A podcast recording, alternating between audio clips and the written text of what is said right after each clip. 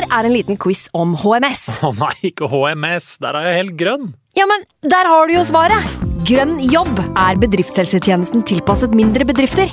Våre HMS-eksperter hjelper mer enn 8000 bedrifter over hele Norge med alt fra lovpålagte HMS-krav til pålegg fra Arbeidstilsynet. Få på plass bedriftshelsetjeneste på grønnjobb.no.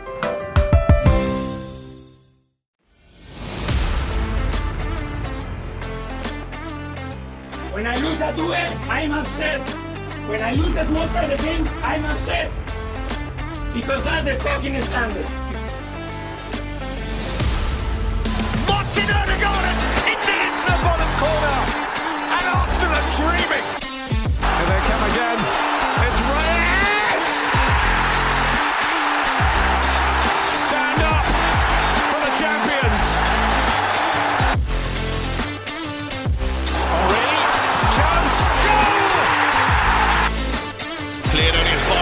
Far has to get his shot right.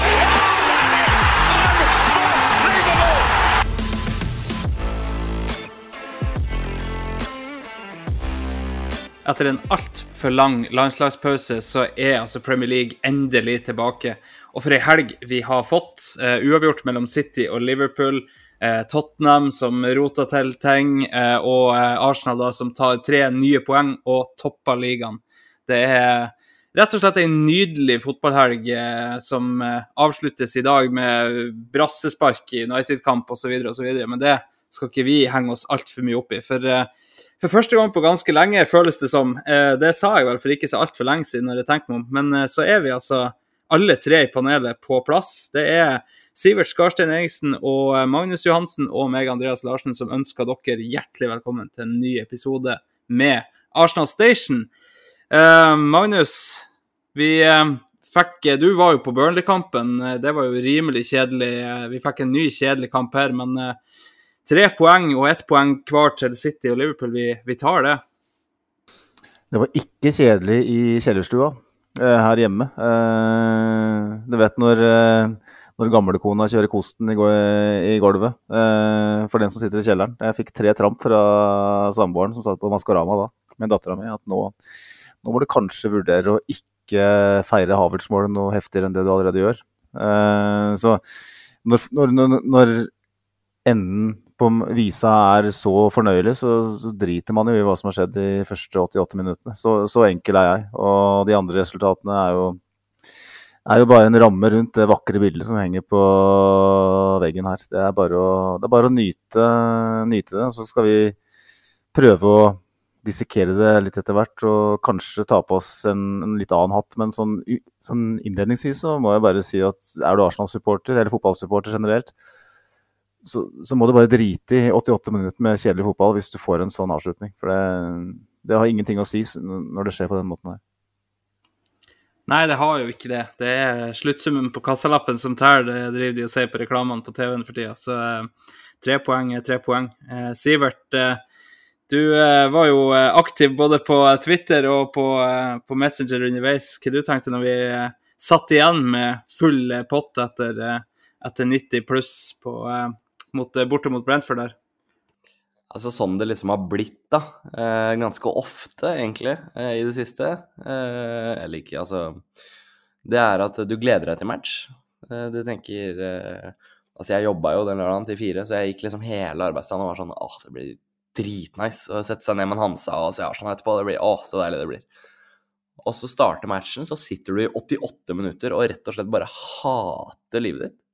Altså, det er 88 minutter hvor du, altså, som du vurderer sånn skikkelig hardt alle valgene du noen gang har gjort. Uh, for, for, altså, jeg får lyst til å ha hele englandsåret mitt i et eller annet fond når jeg så de 88 minuttene. Uh, dette ikke, det er ikke vits å bruke tida på. Og så scorer Havertz, og, og da er jo Altså, verden blir jo snudd på huet. Altså, jeg, jeg mista det, Andreas. Det er svaret på spørsmålet ditt. Det er Jeg satt med et par kompiser og sommerens, jeg, altså, helt seriøst, jeg mista det fordi jeg var så negativ. Jeg var så negativ. Altså øh, Ikke at jeg står inne for alt jeg sa, men jeg, for eksempel, jeg slakta Jesus til dere i pausen. Jeg var, altså, jeg var så sur. Og så etter eh, 75 minutter, eller hva det var for noe, når vi var tre mot to der, og så en Kettia skøyt jeg, Altså, jeg Uironisk, jeg var så sur. Så altså Jeg tror ikke det er noe annet enn fotball det, som klarer å snu sinnsstemningen så fort som det. For altså, jeg var fra å være helt nede i kjelleren til å løpe runddanser i stua og løpe ned på puben, liksom. Det er eh, Altså, det- må, det må oppleves hvor fett det er, faktisk, å være øh, de, å, å, å ha de derre øh, Det derre bølgemønsteret. sånn øh, hum, humørmessig. Det er jævlig, jævlig moro, fortjente det poenget, med å si det. Altså, jeg syns jo vi hadde full kontroll, egentlig. Vi, vi, Brentford skapte jo ikke annet enn det vi ga dem, på en måte. Det, jeg satt jo med en sånn undertone om at eh, her må vi jo vinne. Vi må vinne der. Og å være topp of the league da, når vi teller opp, deilig, ass. Ja, absolutt. Eh, Som du sier, eh, Brentford var ikke nærmere enn det Ramsdale prøvde å, å gi dem. Eh, For det var jo den store snakkisen før, eh, før kampen. Det var jo at denne kampen er jo Ramsdale nøyd å stå, eh, hvis ikke Aiteta har lyst til å, å radbrekke han skikkelig og gå for Carl Hein, eh, som eh, jeg og Sivert eh, radbrekte i, i forrige gang vi satt sammen her.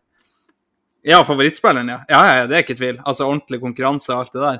Eh, men, eh, men Ramsdale sto i, i mål og eh, ga vel et ganske klart bilde på at keepersituasjonen er avklart. Eh, to ganske enorme tabber eh, innledningsvis.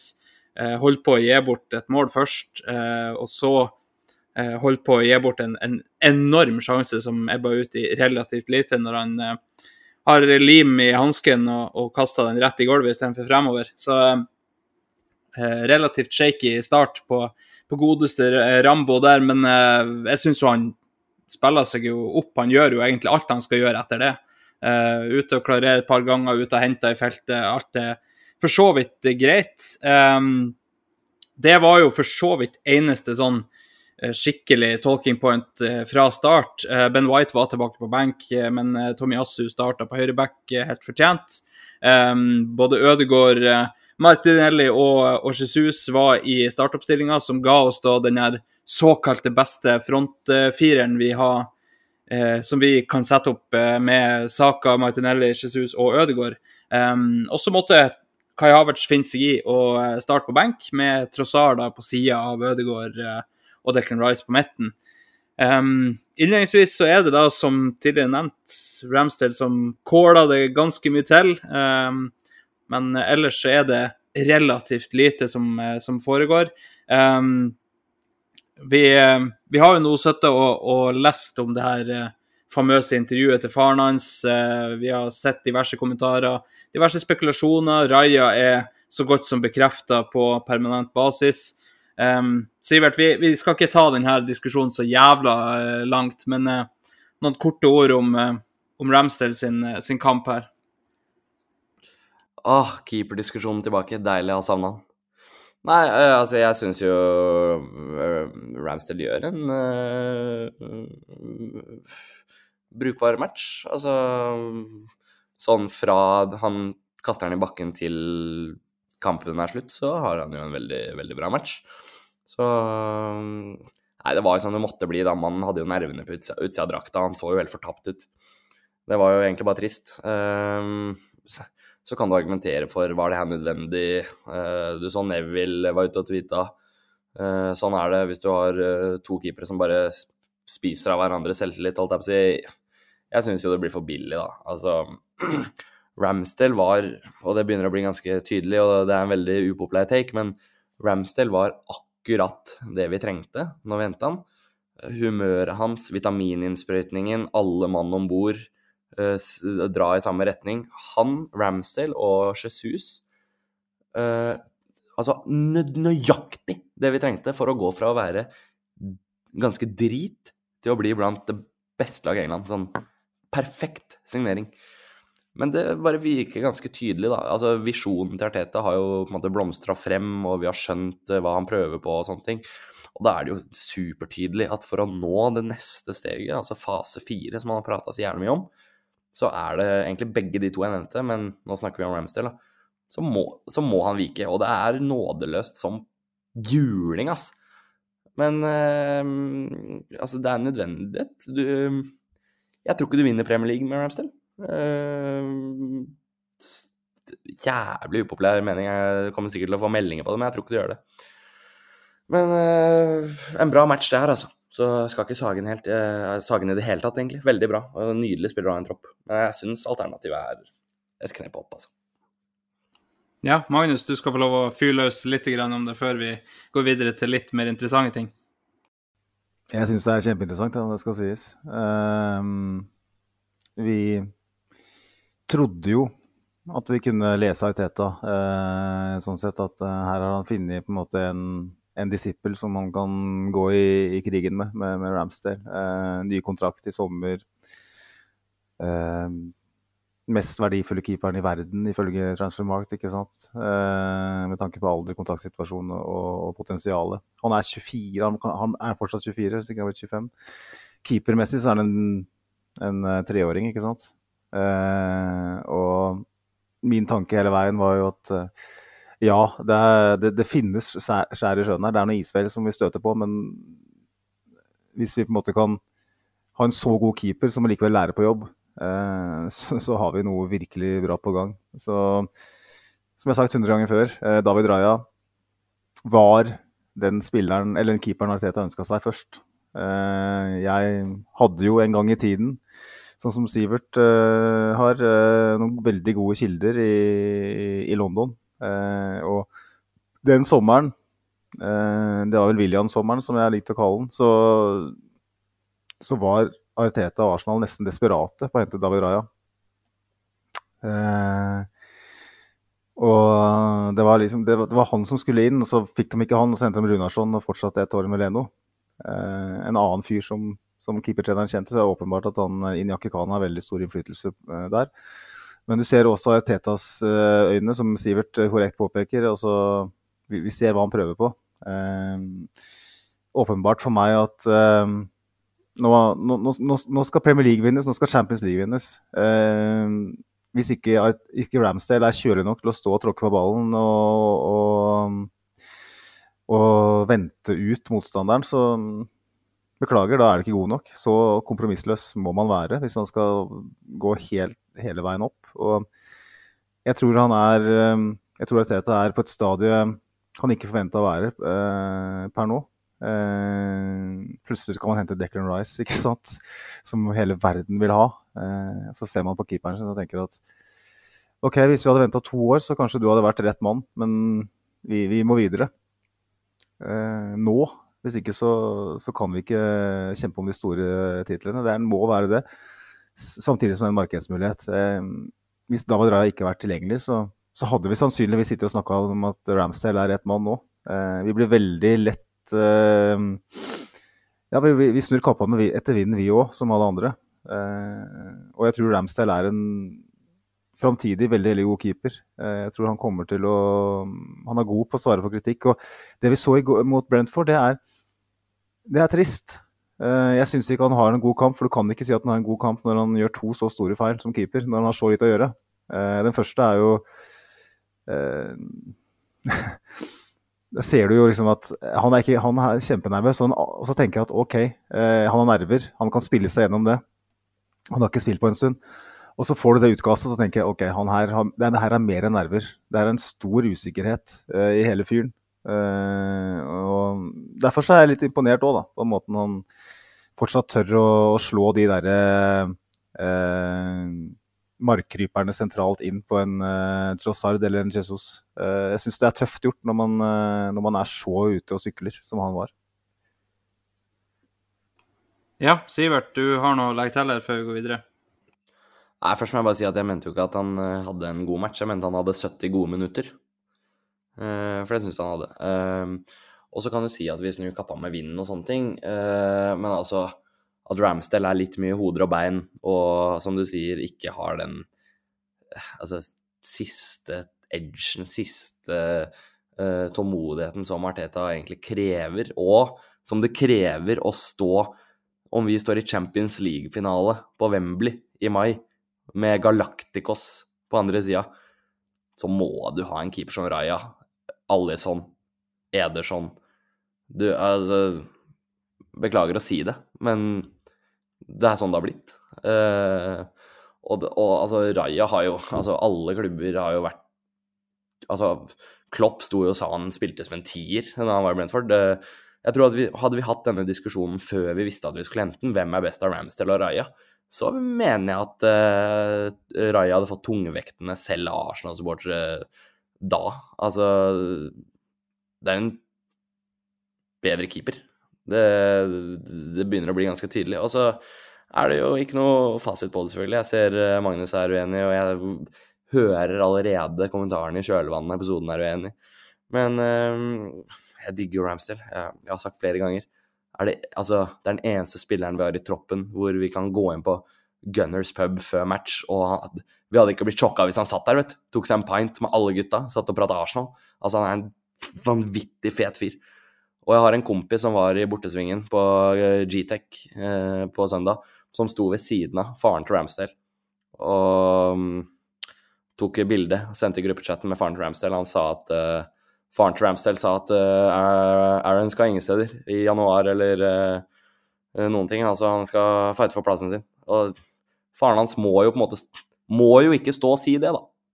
Så han, han trenger ikke si at han skal vekk eller noen ting, men um, altså han, vir, han virka ganske sikker, da, var meldingene jeg fikk på, via kompisen min som sto med faren til Ramsdale i går, at uh, han er opp for den fighten her, ass. Og jeg tror det er det vi mener med disse Altså, det er det som er de nervene, tror jeg.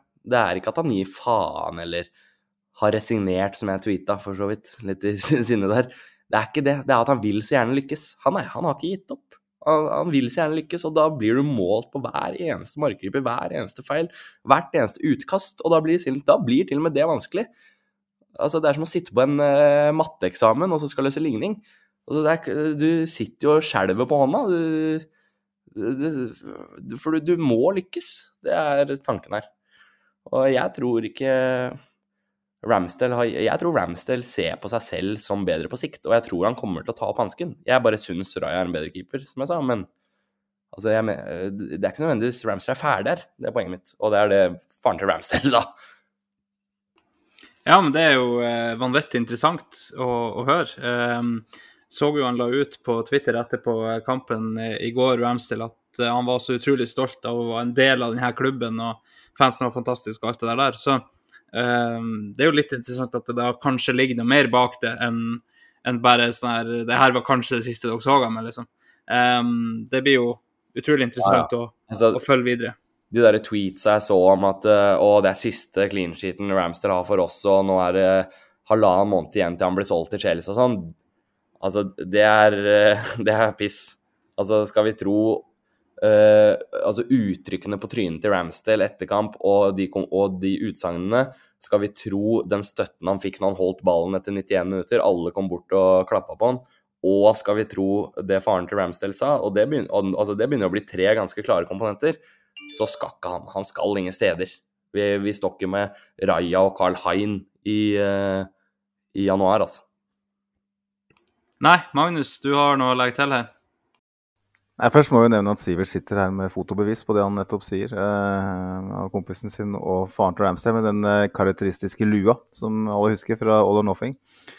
Eh, og helt utrolig kult at vi eh, har den. Det er nesten eksklusiv, eh, det vi kommer med her. Eh, kjære lyttere. ikke kims av Arsenal Station. det jeg tenker, tenker, tenker litt på, er jo eh, åpenbart en fyr som har støtte i spillergruppa, som har støtte av omgivelsene på, på sett og vis. Men det intervjuet Arteta gjorde, gjorde i går jeg, må bare, jeg må le litt av det. For at Arteta han er en psykopat. Eh, han, han, er en fyr som du kan eh, kose deg med på en, eh, en flåte eh, på et stille vann og drikke øl og snakke om dine innerste tanker. En dag, en annen dag så kan han blanke deg fullstendig og kaste deg under bussen var, jeg er ikke helt sikker på hvem som gjorde intervjuet. Men eh, det, det var iallfall gjengitt på, på, Twitter. Ikke gjengitt, men hele videoen lå ute der. Eh, hvor han blir spurt om Ramsdale et par ganger. Og han spør liksom hvordan hva syns om Ramsdays prestasjon. Altså, sånn, dette er i overført betydning, for uh, det er ikke, det er ikke ordrett. Men han, han, han, får spørsmål om Ramsdale, og han svarer laget spilte jævlig bra i dag. han nekter å si noe som helst om Ramsdale.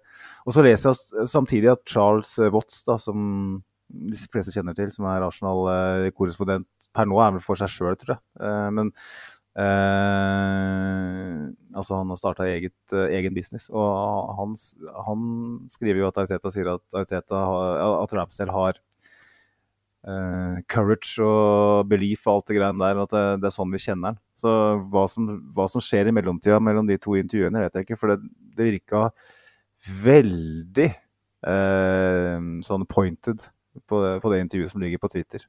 Uh, det, er, det er sånn psykotisk måte å håndtere det Eller politisk, kanskje. Psykotisk er det å ta i det, det er litt stygt. Men Arteta er en sånn altså, han har det der genet der, da. At han kan eh, som, som, du kanskje må ha, som Wenger ikke hadde. Som gjør at vi kanskje litt av årsaken til at han ikke helt eh, klarte, klarte, seg i, i, den hypermoderne fotballen. Eh, Ariteta har det genet så til de grader. Han kan, han kan snu på en femøring når det gjelder forholdet sitt til spillerne. Og jeg, jeg, det er godt mulig at Ramsdales intensjon er å bli Arsenal, men jeg, jeg, jeg, jeg syns det er vanskelig å se for seg. Altså. Ja, Sivert? Ja, altså øh, Først, bare for å avslutte den, så sjekka jeg meldingen, og altså, han, han, skrev det at uh, faren sa 'Aaron don't want to leave'. Altså, og altså, han, faren til Ramster, han snakker fra levra, han driter i det. Så det tror jeg på. Så er jo casen da, at uh, OK, Aaron Ramster vil ikke dra. Men, men som du sier, da mest valuable uh, keeper Most uh, valuable keeper Ja, nå ble det mye språk her. In, in the world uh, var poenget ditt med kontrakt og alt. Legger Chelsea 80 millioner pund på bordet der, så kan det hende det er hierarkiet Arsenal tenker åh, oh, for en investering det har vært. 80 millioner rett inn i banken. Dekker jo nesten Declan Rice. Det er supert. Det kan jo skje. Men disse tingene skjer jo ikke i januar. Og tror vi på det utsagnet her? Altså, Tar vi det for god fisk, Magnus? Altså at han ikke vil vekk. Det er klart at det er, hvis faren til Ramsdale står sammen med Arsenal-fansen og sier at uh, Ramsdale vil til Chelsea, så er det klart at uh, det òg vil kanskje spre seg da. Men uh, jeg tror ikke vi får så jævlig mye igjen, mer igjen enn det vi kjøpte den for, med tanke på hvor åpenbart det er at han, han må bort. Det er en fyr som ønsker å spille for England. En ambisiøs fyr. og så det er ikke sånn at han da Hvis Arteta har bestemt seg, så OK, han kan, han kan, velge å bli og kjempe for plassen sin, men uh, han kommer ikke til å få så mye som en uh, klapp på skuldra av Arteta på trening. ikke sant? For Arteta kommer bare til å bestemme seg for at du skal ut. Han har gjort det her før, og han, det, han kommer til å gjøre det igjen. Altså, han, han, har gjort det med større spillere. Han har gjort det med Aubameyang, liksom. Øzil. Um, altså eh, Det er klart, det er en veldig annen situasjon, da, men det er klart hvis Ramsdale begynner Ariteta vil jo etter hvert kanskje fremprodusere en reaksjon hos, hos Ramsdale.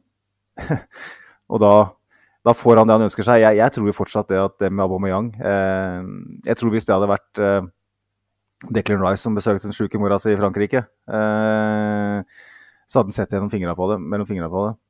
Men han har bestemt seg for at jeg må finne en eller annen måte å få han fyren her ut av eh, klubben på. For han, han er ikke min type, verken på banen eller utafor. Så når da Aubameyang på en måte Det er litt sånn som, en, eh, litt sånn som når, du, når, du, holder en fyr i trøya i boksen. ikke sant? Du ga meg en mulighet til å vise deg ut.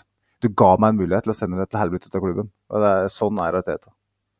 Altså, det er faktisk Altså, ja, som, som, som, sier, man må nesten bare le av det. Arteta er jo sjuk i huet. Altså, eh, det, det Aubameyang gjør, det er å vinne, vinne oss FA-cupen. Sesongen etter, når vi kommer på åttendeplass igjen, så skårer han over 20 mål i Premier League. Liksom, han er det eneste lyspunktet, liksom. Så blir mora hans syk, han får malaria, og så blir han bare skippa rett ut, liksom. Det er så nådeløst. Ja, men samtidig så var det vel eh, kom det vel ut at det var ikke første gang han var for sen. Ja, ja, ja, sånn. Men, eh. Så, så, jeg tror nok det er mye sant i det som Magnus sier, at, eh, at Arteta hadde fått nok.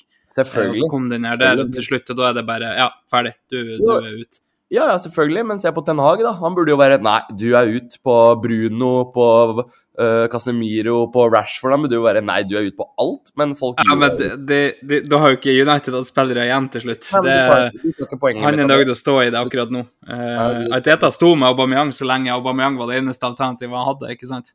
Nei, Ten nei. Hag har jo snart ikke spillere igjen, så ikke enten sitter inne eller uh, Jo, men er sender hjem. Jo, men ikke le bort et godt poeng. Altså, Ten Hag, hadde ikke benka Bruno Fernandes på Anfield hvis han kom litt seint, sånn som eh, Arteta gjorde. Altså, det er, det er en spesiell kar. Ja, det er absolutt. Eh, og så sitter vi egentlig og husker det her positivt fordi det gikk greit. Men hadde vi blitt knust den kampen mot Tottenham, så hadde jo Arteta blitt radbrekt etterpå for at Aubameyang ikke var med. Så det, det er altså de der såkalte som Ja, nå kom det narrativene som, som går etter sånne situasjoner. De, de blir jo mala av det som skjer, eh, resultatet av det. det. 'History is written by the victor' er et veldig godt eh, sitat. og eh, fordi at Arteta kom godt ut av den her der, det, det gjør at vi husker det som en, en riktig avgjørelse. Hadde vi tapt den kampen og alt hadde gått til helvete, så hadde vi kanskje ikke sittet med Teta som manager, det vet vi ikke.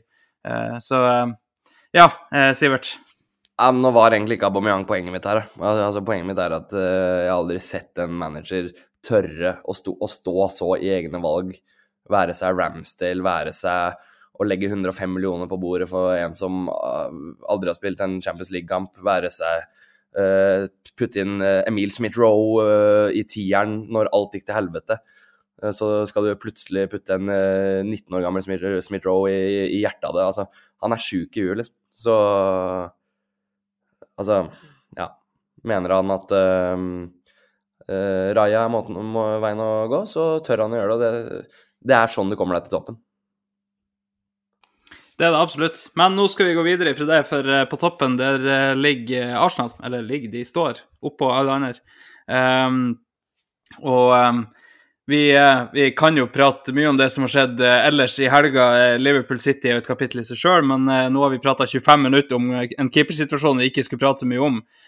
Så da, da må vi rett og slett bevege oss videre. Um, vet ikke, gutta, I første omgang så er det jo ikke så veldig mye mer å prate om. Det er for så vidt ikke så veldig mye mer å prate om i andre omgang heller, før, før Kai Havertz setter inn skåringa.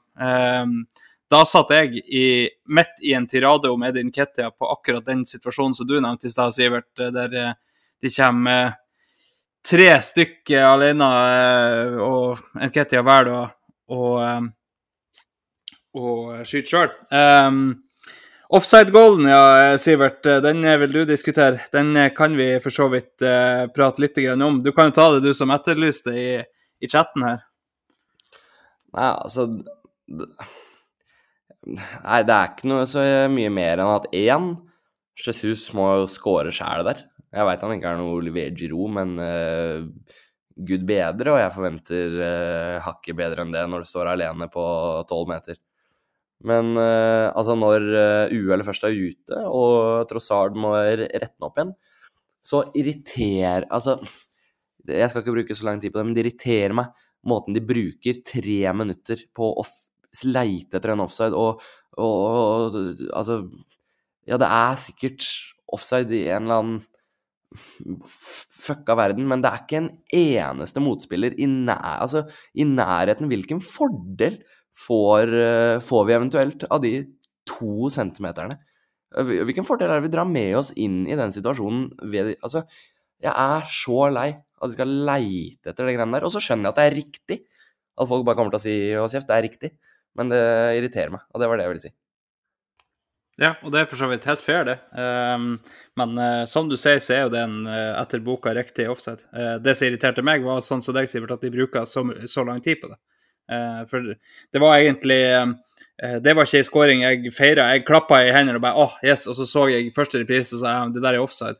For han er ikke bak ballen når den headinga går. Um, og det viser seg at det, det stemmer. Det stemte ikke med så stor margin som jeg så det på akkurat da, men, eh, men eh, halve skoen er i offside, og da da er det sånn som det går. Um, så det, den ble ikke tellende. Uh, ellers så skjer det jo omtrent ingenting før da nevnte situasjonen med Edin Ketia, der jeg da klikka i vinkel og avskrev han som både menneske, fotballspiller og det som verre var. Um, jeg sto vel faktisk framfor sofaen og sa at eh, mannen som hadde den eh, 14-skjorta og gjorde den berømt, han visste når han skulle spille og ikke. Eh, men der står du, din jævla nisse, og, og tror at du skal score sjøl fra kanten av 16 når du har to mann på bakre. Eh, fruen hun, eh, hun bare krøp sammen i et hjørne i sofaen her og, og prøvde å ikke være med på akkurat den praten. Eh, og så plutselig skåra Kai Haverstad. da. Stilna kritikken ganske fort. Eh, Kai Havertz sitt første spillemål for Arsenal eh, i Premier League, eh, det er Ja, det lar seg høre. Absolutt. Um, Magnus, vi vet jo at Kjellerstua de har fått gjennomgå tidligere, og eh, jeg regner med at, eh, at her var det Ja, du snakka jo om eh, tre dunk i gulvet, men, eh, men fikk følelsene utløp før du fikk eh, advarsel, eller var det sånn at du prøvde å holde det tilbake? Du klarer ikke å holde det tilbake når, når man avgjør en kamp på det tidspunktet der. Og når man ser Altså, ting skjer veldig fort, ikke sant. Og man er stressa. Eh, det står mye på spill. Og så Det er liksom ikke før han snur seg og løper mot bortefansen at jeg ser at det står 29 på ryggen. og tenker at Først så jubler du som en idiot for at det er mål, så, ser du at det er faen meg Kai Havert som skårer det målet. Og det gjør det jo dobbelt så bra for meg. Eh, det gjør at det, det her kan bli stående som et øyeblikk vi husker veldig, veldig lenge. Eh, Kai Havertz han trengte det her veldig. Vi trengte det, spillergruppa trengte det. Alle rundt Arsenal trengte den, den skåringa her. Så får vi historien vise da om, om det får den betydning vi håper. Men uh, det er klart at uh, dette var jo det Arteta kjøpte Kai Havers for. Uh, nettopp de der løpene fra dypet på bakerste der. Vi har jo sett det er blitt forsøkt, og Havertz har kommet for seint. Ballen har gått over linja. og Det har liksom ikke vært det har ikke vært i nærheten av å funke, egentlig. Men den gangen her så funka det. Og Nei, altså, jeg, jeg Reaksjonen til fansen sier alt. Altså, vi, vi, vi, er, vi, er, på et godt sted som fotballklubb. fordi at man har en 65 millioner punds flopp eh, her, egentlig, hvis vi ser på hva han har prestert så langt. Og i stedet for at alle slakter han, eh, og alle liksom er har bestemt seg for at han ikke er god nok, så blir han nærmest båret fram av bortefansen før han helt tatt setter den pannebrasken på den ballen. Eh, og da er det på en måte en slags tillit mellom Havers og bortefansen allerede. At Havertz, selv om Havers er sjenert og må, må bli dytta bort uh, til fansen av Arteta, så, så vet jo Havers veldig godt det at han har buy-in fra de gutta der. Han vet det, han.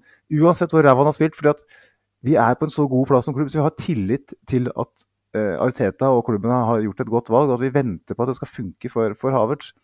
Så det er et øyeblikk som for meg forteller utrolig mye om hvor vi er som, som klubb. Hvis det her hadde vært Nicolas Pepe i, når vi ble nummer åtte, så hadde han kanskje Jeg vet ikke om Han hadde sikkert feira foran fansen, men det hadde jo vært en sånn undertone om at ja, ja. Ok, så gikk vi fra sjuende til sjetteplass i dag, da. Det var jo kult. Eh, men nå, vi snakker om tabelltopp her. Vi snakker om prestasjoner over tid som er så gode, som gjør at vi snakker som kanskje nummer fire på oddsen når det gjelder å vinne Champions League. Eh, og da da har Havertz eh, gjort et karrierevalg eh, som er godt. fordi at Paradoksalt nok så får han nesten mer tid nettopp fordi at resultatene er gode. Eh, og vi sier at vi ikke har råd til å vente på det, men det, det er Han har utrolig gode muligheter for å lykkes her, da. Eh, så lenge vi fortsetter å prestere på den måten her. Eh, og, da når man får det målet her, så får vi bare håpe da, at, det er, at det er starten. Men eh, et helt fantastisk øyeblikk. og jeg rater det nesten over Martinelli mot City også. For det, det, er noe med hele Altså, det er, det er lørdag kveld, halv sju, flomlys. Eh, tabelltopp, Kai Havertz, eh, Waka Waka. Det er vanskelig å slå. Altså. Er, du må tilbake til uh, reasoning på Emirates i, i, april. Ja, man må jo nesten det. Det er et uh, sinnssykt øyeblikk. Uh, og at, at nettopp han skulle få det øyeblikket, da, er jo ja, kanskje det som faktisk kan få det til å løsne litt for ham. Vi får jo bare håpe det. Det er klart, Han har jo ei straffeskåring, men samtidig ei straffeskåring er det noe i straffeskåring. Um, Sivert, du har noe å fylle på med her? Altså, jeg syns Altså, altså hvis, hvis, man tar to steg utenfor matchbobla og ser utenfra og inn og tenker på at etter eh, det som blir over en tredjedel eh, spilt sesong, så leder vi Premier League, og vi har store deler av sesongen brukt Havertz og Jorginho på midten. Altså to spillere alle har avskrevet, og vi har vært best i Premier League, da. Altså beviselig. Det sier mye om hvor sjuk den spanjolen som står på sidelinja er. Og det sier også mye om hvor utrolig reaksjonære vi er som supportere. Altså, jeg eh, har det i meg å være utrolig reaksjonær.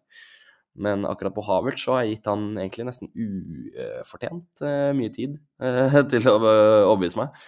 Men altså Det at han kommer inn og avgjør på den måten, det er jo Altså det som imponerer meg mest, egentlig, fordi at Havertz er god på huet og kan på en måte løpe seg fri på bakre, det er jo det er jo ikke noe sjokk. Altså, vi har jo sett for oss den diagonalen fra Saka der i fire måneder, så det, det er poeng, ikke poenget her. Poenget er, eh, som mange er inne på, støtten han får av bortesupporterne. For jeg, altså jeg, med all respekt å melde, eh, jeg er et sånn Twitter-monster sjøl, men jeg driter i sånne Twitter-folk, ass. Som er sånn Å, Havertz er så ræva.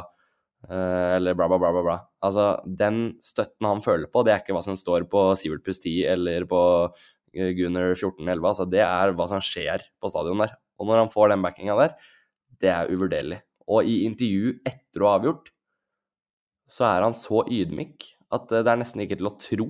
Altså uh, han, han sier alle de riktige tingene. Abs øh, og altså, han er, han er ikke i Arsenal på ferie, altså. Han, han er ikke noe 13. mann i det greiene her. Han, øh, han, han skjønner sjæl at han må bevise litt ekstra, og det er jævlig kult å se. Ja, det er det. Han virker jo som en utrolig fin fyr, da. Eh, virker jo som en som eh, som vet veldig godt hva det er vi har savna han eh, så langt, eh, og som eh, ja, absolutt det, det eneste ønsket han har, er å, å prestere for denne klubben. Eh, og så er det kanskje litt sannhet i det som Magnus eh, sa i stad, at eh, pga. resultatene så får han kanskje litt mer tid enn det som, eh, som naturlig er med tanke på det vi har fått. Eh, altså, defensivt har han, det har vi prata veldig mange ganger om, defensivt så er han akkurat det han skal være omtrent, og, eh, og så mangler vi offensivt. Men kanskje det løsner nå, da. Vi, vi får håpe på det.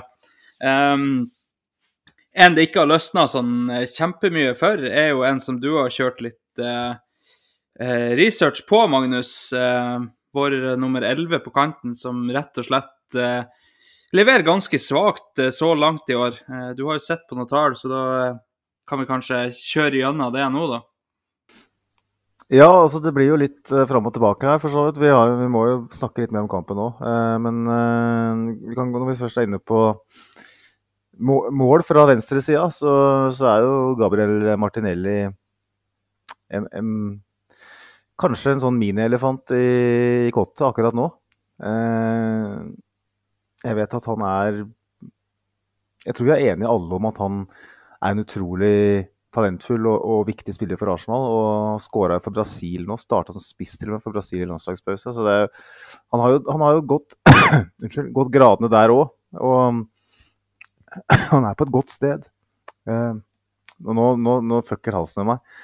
Uh, men jeg skal prøve å uh, presentere noen interessante tall. For jeg tror ikke det er så mange som snakker om det. For at vi vinner fotballkamper, som vi har vært inne på. Og Martinelli har jo vært ute med skade. Vi har snakka mye om at venstresida har vært veldig omskiftelig. Det har vært mange kokker på det venstre kjøkkenet i løpet av sesongen. Og jeg er vel enig om at det er den delen av laget som sånn totalt sett så langt denne sesongen ikke har funka optimalt. Uh, og eh, etter elleve kamper uh, hvor han har vært på banen, eh, ti fra start, én som innbytter. Ironisk nok, den som innbytter er den ene gangen han har scora mot City. Og det betyr da ett mål på elleve kamper og to målgivende. Som er eh, veldig langt under pari for Martinelli. Eh, og så kan man jo si at, som jeg nevnte, formildende at han har vært skada, formildende at venstresida ikke har funka. Eh, Men vi kan godt skru tida tilbake til januar, eh, når Eden Ketia var i ferd med å visne hen som, som spiss. Litt sånn som vi har sett denne sesongen her. Før Trossard kom inn, så hadde vi en sånn lignende periode hvor Martinelli ikke helt Ok, Han kunne spille ganske ok og være god i, i enkelte faser, men han er ikke, ikke involvert i det som skjer offensivt, og, og, tar kanskje ikke store nok sjanser med ball. Blir litt for passiv. Og jeg syns vi ser ser jeg syns det er litt, litt for lett å nøytralisere den sånn som det er akkurat nå. Han har 1,6 skudd eh, per match. og Det er skrekkelig lavt. Her snakker vi om en, en spiller som vi forventer jeg vil si forventer sånn 15 ligamål. Altså. Forventer at han fortsetter på fjorårsnivået. Eh, så god er han foran mål. Han er på mange måter en, en, en spiss eh, som finner sin rolle ute på venstresida. Han har jo åpenbart en rolle hvor han blir bedt om å holde litt bredde, så det er, en formidlende, formid, det er et formidlende aspekt. Men nummer 57 i Premier League på antall skudd per match eh, så langt, det er eh, Da skårer du ikke mye mål. Han har 1,2 i XG så langt. 1,2 skåringer i XG. Vil si at han har ja, Da ligger han på XG-en sin. da. Det er ikke sånn at han har underprestert XG. At vi bare kan forvente at når, når, når sjansene sitter, så når, når, han begynner å bruke godfoten, så sitter, sitter kula i nota, liksom. Vi er ikke der. Han bare kommer ikke til målsjanser i det hele tatt. Eh, I fjor så hadde han 2,2 skudd per match. Det er igjen nesten litt for lite, det òg, men eh, 15 ligamål, eh, det, det, får man både roser og konfekt for. Og, eh, men for meg så er For en spiller som Martinelli, da, som på en måte skal sammenlignes med eh, og Mané og den gjengen der altså, Når man har en spiss som ikke er en Haaland eller en uh, Ossimen, altså en som skal um, i like stor grad legge, legge til rette, som Jesus gjør, som, som å skåre sjøl, da må du ha Du er helt avhengig av at flankespillerne, sånn som Liverpool er, lett, er lett, en lett parallell å, å, dra, selvfølgelig. Men eh, hvis du ser på Saka, så ligger han veldig veldig godt an på alle parametere. Han ligger bitte litt bak fjoråret, men ganske tett opptil. Han presterer omtrent på samme nivå eh, når det gjelder eh, XG, eh, assist, mål, alt det der. Men Martinelli, han han er rett og slett ikke involvert i det som skjer i boksen. Så man, så da er spørs, Det er en sånn diagnose her. ikke sant? Hvordan skal vi diagnostisere det her? Uh, er det bare det at han ble bedt om å holde bredde, uh, og at han har spilt i en lagdel som ikke funka? Eller har vi et lite problem med han fyren her? Fordi at, eh, Som du Andreas har sagt noen ganger, han, når han kommer én mot én mot uh, bekken, så, så, går han alltid ned til krittet. Og han lykkes relativt ofte med det, det skal sies. Og så er adressen på avlevering for dårlig, og så er bevegelsen i boks for dårlig. Du har ikke det løpet på første stolpe, som jeg har etterlyst mange ganger. Uh, men han, han, er veldig forutsigbar, da. Han går ikke eh, innvendig eh, og går for, den, for en avslutning. Og så er det trangt. Vi vet at alle dobler opp på, på han og Saka. Men Saka han har klart å og Han er jo en jævlig enhjørning. Eh, men Saka har på en måte klart å stabilt levere de samme tallene, mens Martinelli han har falt fullstendig av ei klippe. Og jeg er åpen for at det er utrolig mange faktorer her. Men jeg mener nest, det er nesten den viktigste oppgaven Arteta nå har foran det som nå er det mest hektiske programmet i løpet av sesongen i Premier League. Det er å koble på Martinelli. Du er helt nødt til å koble på Martinelli. Hvis du mister han nå, og man har spisser som ikke scorer, da ligger, da ligger det altfor mye på skuldrene til stakkars Bukayo Saka igjen. Uh, og per nå så ligger Martinelli Han er en Det er ben, nei, sånn, Hva heter han der eh, som spilte Ben Rama, han som spilte i West Bromwich. Det er liksom de tallene vi, vi, vi snuser på her. Han heter uh, Zaid Berahino. Berahino. Ben Rama, det er han på Westham. Han, uh, det, det, stemmer sikkert det òg, men Berahino tenker du på, Sivert. Helt korrekt. Uh, så han, han, må, han, må, kobles på. Så da er mitt spørsmål til dere, da. For nå har jeg på en måte presentert noen tall som, som forteller litt om hvor vi er. Eh, hva er det, bør vi være bekymra for, eh, for, Martinelli, og bør vi være bekymra for måten vi bruker Martinelli på? Er det, er det på tide å, å, tenke alternativt der? Er det på tide å bruke han i en mer sentral rolle? For det, det, er jo en jævla waste å ha en så instinktivt god angrepsspiller som ikke er involvert i noe som helst av det som skjer i boksen. Ja, altså, absolutt. Det, eh, flere har jo beskrevet han som kanskje kanskje den beste naturlige avslutteren i, i laget. Eh, var jo en periode der han kunne avslutte fra omtrent hvor som helst og, og, og skåre mål, og så ser vi i år at han ikke er på det nivået i det hele tatt. Eh, som du så riktig påpeker her, Magnus, så, så, hadde han en lignende periode i, i januar, når Jesus ut, falt ut av laget, eh, når han ble skada. Eh, kanskje er det så enkelt som at han må ha Jesus i, i form på sida av seg, men samtidig skal du være avhengig av det liksom, for at eh, ting skal fungere. Da er det jo på en måte noe feil med måten vi bruker han på. Hvis, hvis du er avhengig av å sette én spesifikk eller da Trossar på sida for at han skal fungere, så er det kanskje noe feil med måten vi bruker han på når vi vet hvor god han kan være. Eh, han savner jo litt de der de typiske Smith-Roe-løpene da, som kommer fra 16 og så inn mot første, eh, som han var veldig god på å finne når, eh, når Smith-Roe kom på de løpene. Eh, Kai Havertz har ikke helt funnet de løpene der ennå. Um, kanskje jeg trossar det. Eh, han eh, var jo for så vidt positiv i i hvert fall i første omgang imot Brentford, eh, så falt han litt igjennom, syns jeg, i, andre omgang. Um, men eh, som du ser, Magnus, det er, det er vitalt at vi får Martinelli i gang igjen. For uh, med de to vingene vi har, potensialet de har til å, å skåre mål og få assist, så, så klarer vi oss uten en spiss som skårer 25 mål. Eh, med bare én av de, så gjør vi ikke det. Uh, da, da må spissene begynne å, å skåre igjen, og det, det har vi jo egentlig ikke sånn veldig mye presedens for for å føle at de skal gjøre. Eh, Sivert, jeg vet ikke hva du tenker om eh, vår brasilianske lynving. Nei, altså jeg Jeg har ikke sjekka tallene, så hvis det er feil, så bare drit i det. Men jeg, jeg leste en tweet om at eh, da Liverpool vant ligaen, så skåra Firmino ni. fordi vingene dro det så jævlig. Eh, Det er fordi de hadde to supergode indreløpere bak, og, og vinger som var garantister for 20 mål. Eh, med Jesus så blir jo det nesten en sånn uh, Nesten en visjon at de skal kobles såpass mye på i, i målene. Um, altså Åssen vi skal gjøre det, er, spørsmålet, da. Eh, for altså Selvfølgelig må Martinelli kobles på mer. Vi er helt avhengig av mål og målinvolveringer fra Martinelli for at dette skal lykkes og i det hele tatt være i nærheten av å lykkes. Altså, får vi ikke på Martinelli, er vi kobla i februar. Så helt avgjørende. Um, jeg tror jo at en eh, skikkelig Altså, han har sparra relativt godt med Jesus og Trossard tidligere, så det er ikke nødvendigvis det at han savner en, en rekkekamerat. Og så tror jeg ikke vi kommer til å gå for en spiss før i, i, til sommeren uansett. Ehm, jeg tror svaret er en eh, venstre indreløper. Eller altså Det er jo ikke det det, de blir kalt. Det er en eh, venstre åtter som alle driver og jabber om. Eh, Kall det hva du vil. Det tror jeg er nøkkelen her, altså. Ehm, helt avgjørende at vi henter en eh, spiller til å bekle den rollen og til å linke med Martinelli i, eh, i eh, januar. Um, funka ikke så mye bedre med Trossard. Vi så jo Trossard i den rollen nå, fungerte ikke så mye. Eh, så bra. Um, tidligere har vi sett Havertz.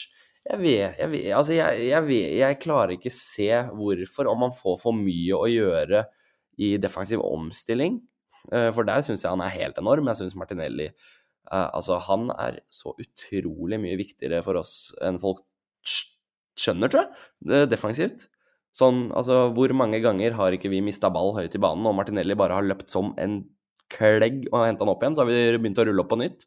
Det er det ene. Dritviktig der. Så kanskje det går litt på altså denne kontrollen som alle har blitt veldig vant til å prate om, og denne eh, altså defensive samvittigheten. Kanskje det er det.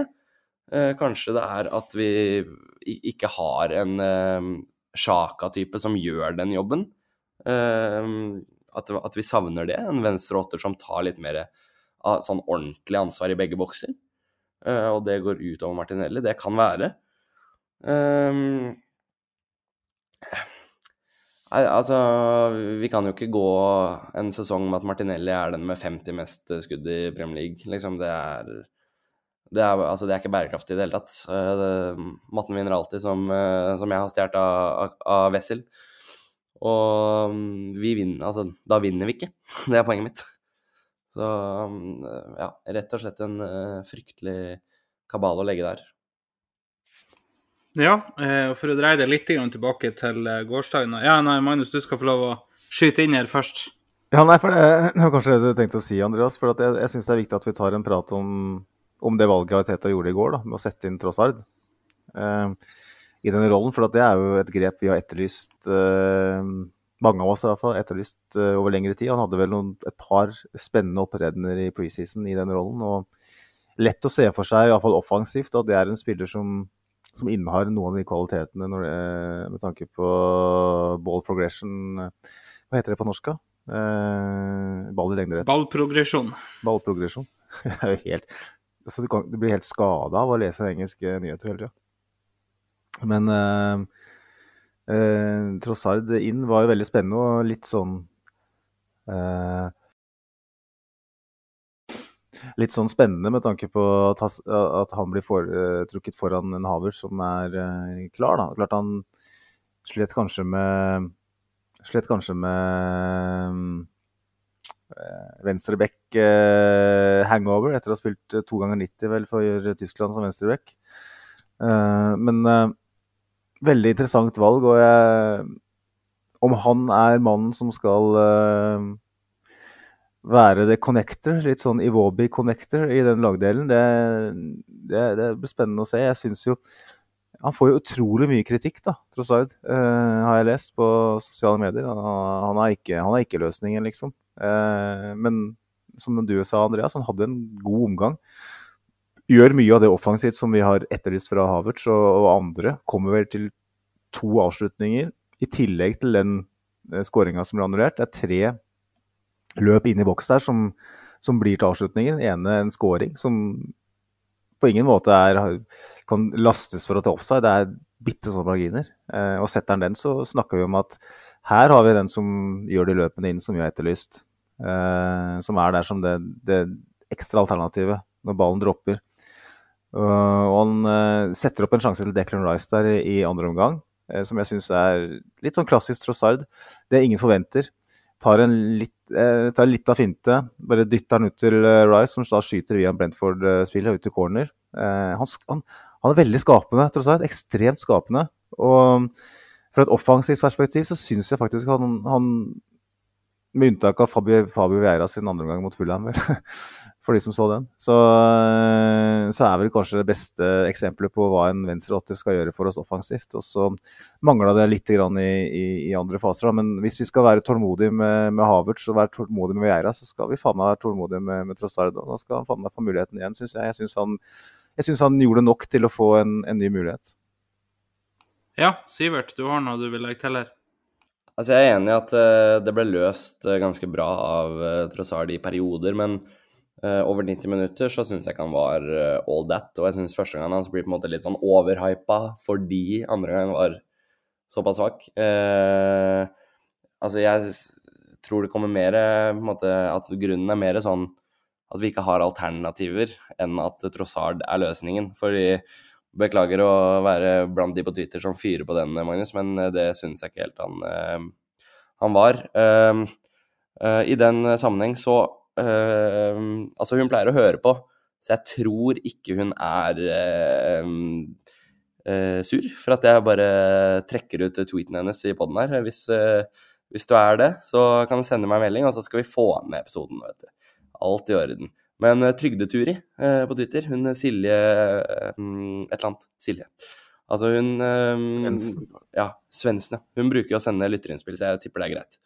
Uh, jeg lika tweeten hennes i pausen, og jeg fant den fram nå.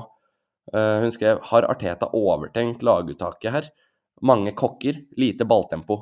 Og, og det syns jeg var litt poenget med, med Trossard. Jeg syns på en måte jeg, jeg, jeg syns ikke han var det bindeleddet som, som, du vil at han var, Magnus, for å være ærlig. Og så følger hun videre i tweeten og skriver Brentford forsvarer seg med elleve mann rundt 20 meter.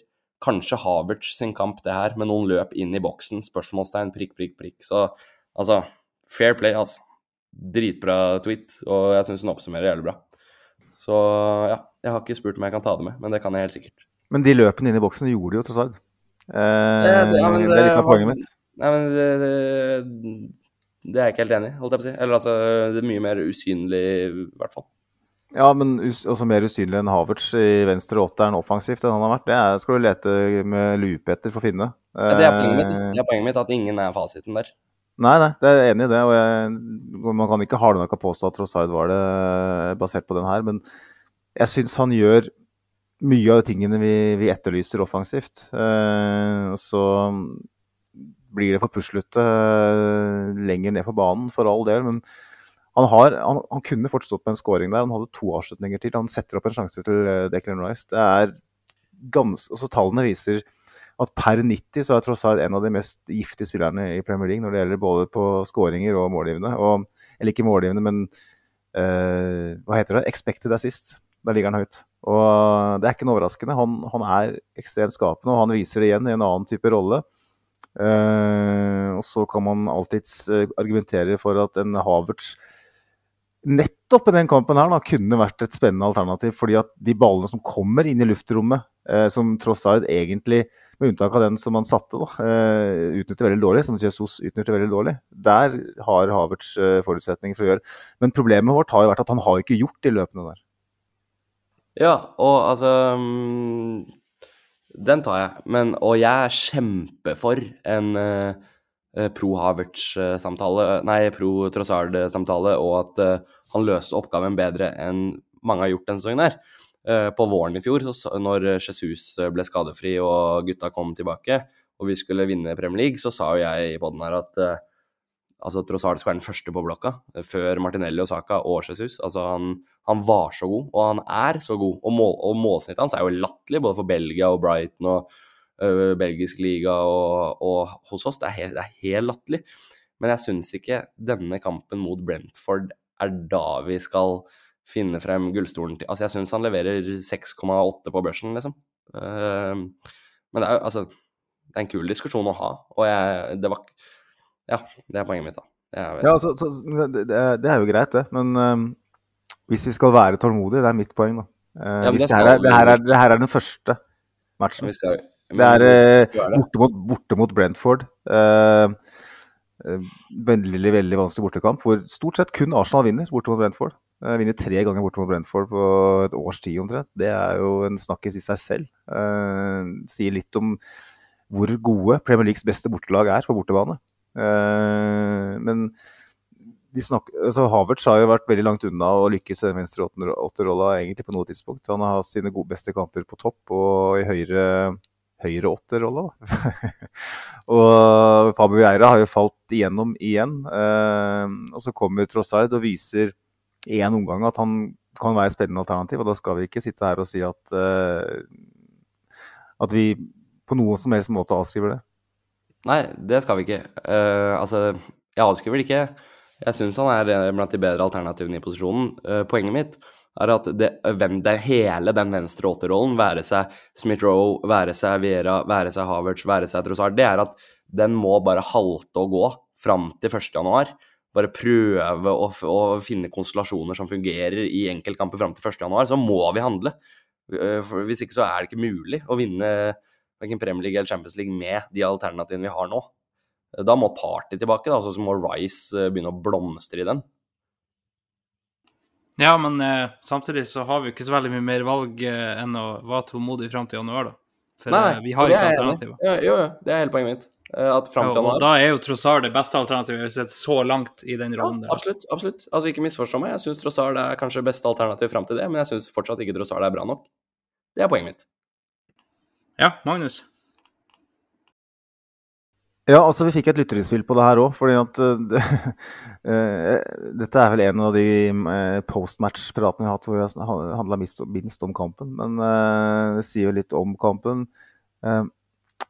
skal vi se, det var den godeste Tony at Tony Larsen AFC, Mr. T på Twitter. Han skriver Først skriver han fantastisk seier som han egentlig hadde kjempekontroll på. og så skriver han kan man stille spørsmål i mangel av Sjaka at offensivet ikke stemmer helt. Han leverer utrolig tall i Tyskland. Vi har vel sett at, at de der eh, ballprogresjonstallene til Sjaka er off the charge eh, per nå. Eh, best i hele Europa, hvis man skal eh, være brutalt ærlig. Og Mr. T han, han, stiller jo det spørsmålet ikke sant, som vi alle lurer på. Så det, det, det Sjaka-hullet på midtbanen, eh, det, det, det er jeg syns det er på sin plass å, å, å trekke frem det eh, når Thomas Party igjen er utilgjengelig.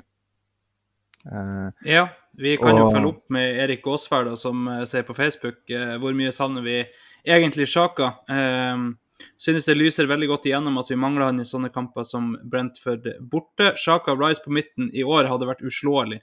Eh, hvilke type spillere hadde passa i tospann med Rice? Eh, han tenkte på typer som Pakita, Palinja og Douglas Louise. Det er jo tre veldig forskjellige spillere han drar opp her, da. Men eh, nå er det jo ikke egentlig et tospann vi kjører. Vi kjører jo én defensiv sentralt og så én litt lenger fram, og så Ødegaard eh, fremfor der igjen. Eh, du er veldig avhengig av en toveispiller i, i den rollen der. Kanskje en annen defensiv, og så Declan Rice opp, men vi har jo sett glimtvis at det ikke er veldig mye å trakte etter heller. Um, jeg vet ikke hva vi skal si, gutta, vi skal ha inn der. Eh, foreløpig er det, er det Trossar som er det beste vi har sett så langt. Eh, Sivert, du har noen tanker om det her?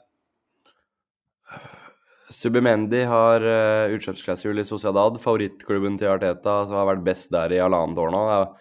Bare å hente han. Uh, det ser dritbra ut. Uh, hadde veldig lille jeg har sett i 90 minutter. Og Komps ser veldig bra ut. Onana på Everton, utrolig bra profil. Uh, hvis de går ned, så er det en jeg har lyst til å se på. Douglas Louise, ikke helt overbevist. Han er representert av Kia. Eh, og så er det jo et eh, navn i chatten her som Magnus skrev nå, Frenke de Jong. Det, da tror jeg du må sende meg lottotallene også, men ja. Da, eh, ja så, så, det er profiler i, i Europa å hente. Og, men altså, poenget mitt er at åh, hvor mange ganger har jeg sagt det i dag? Det er siste gang jeg sier poenget mitt. Ingen, altså. Men greia her er at vi må fikse Altså, vi må fikse januar. Og, må, og januar er et umulig vindu. Da må det være markedsmuligheter eller utkjøpsklausuler. Fordi sommer er for seint. Sommer, da har enda en tittel gått, og Champions League har ryket i en sesong hvor mange bra lag, ref. Liverpool, ikke er med i Champions League. Uh, så utkjøpsklausul Submendi, my guess. F.eks. Douglas Louise har blitt en av de viktigste spillerne på et lag som jakter eh, Champions League nå. Han skal jo ingen steder i januar.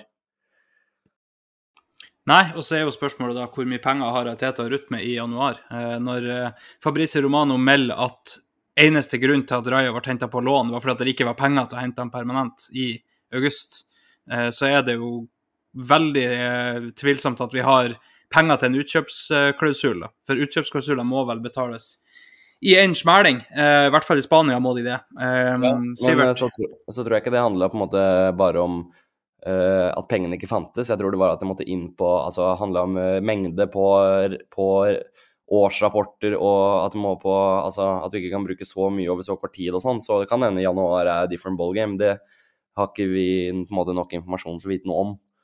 Uh, så jeg tror ikke vi skal på en måte dvele for mye ved å dra den for langt at vi ikke har spenn, eller lurer på om muligheten er der. For det, altså, vi aner ikke.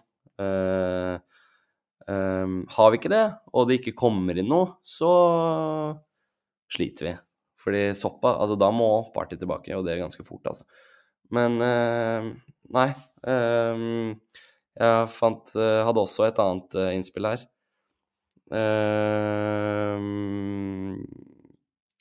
Ja, jeg mista det. Men ja, du er ordstyrer, så du tar oss videre. Det er det som er så trygt med å bare sitte her og prate skit, vet du. Kan bare sende ballen til deg når jeg er på litt grunt vann.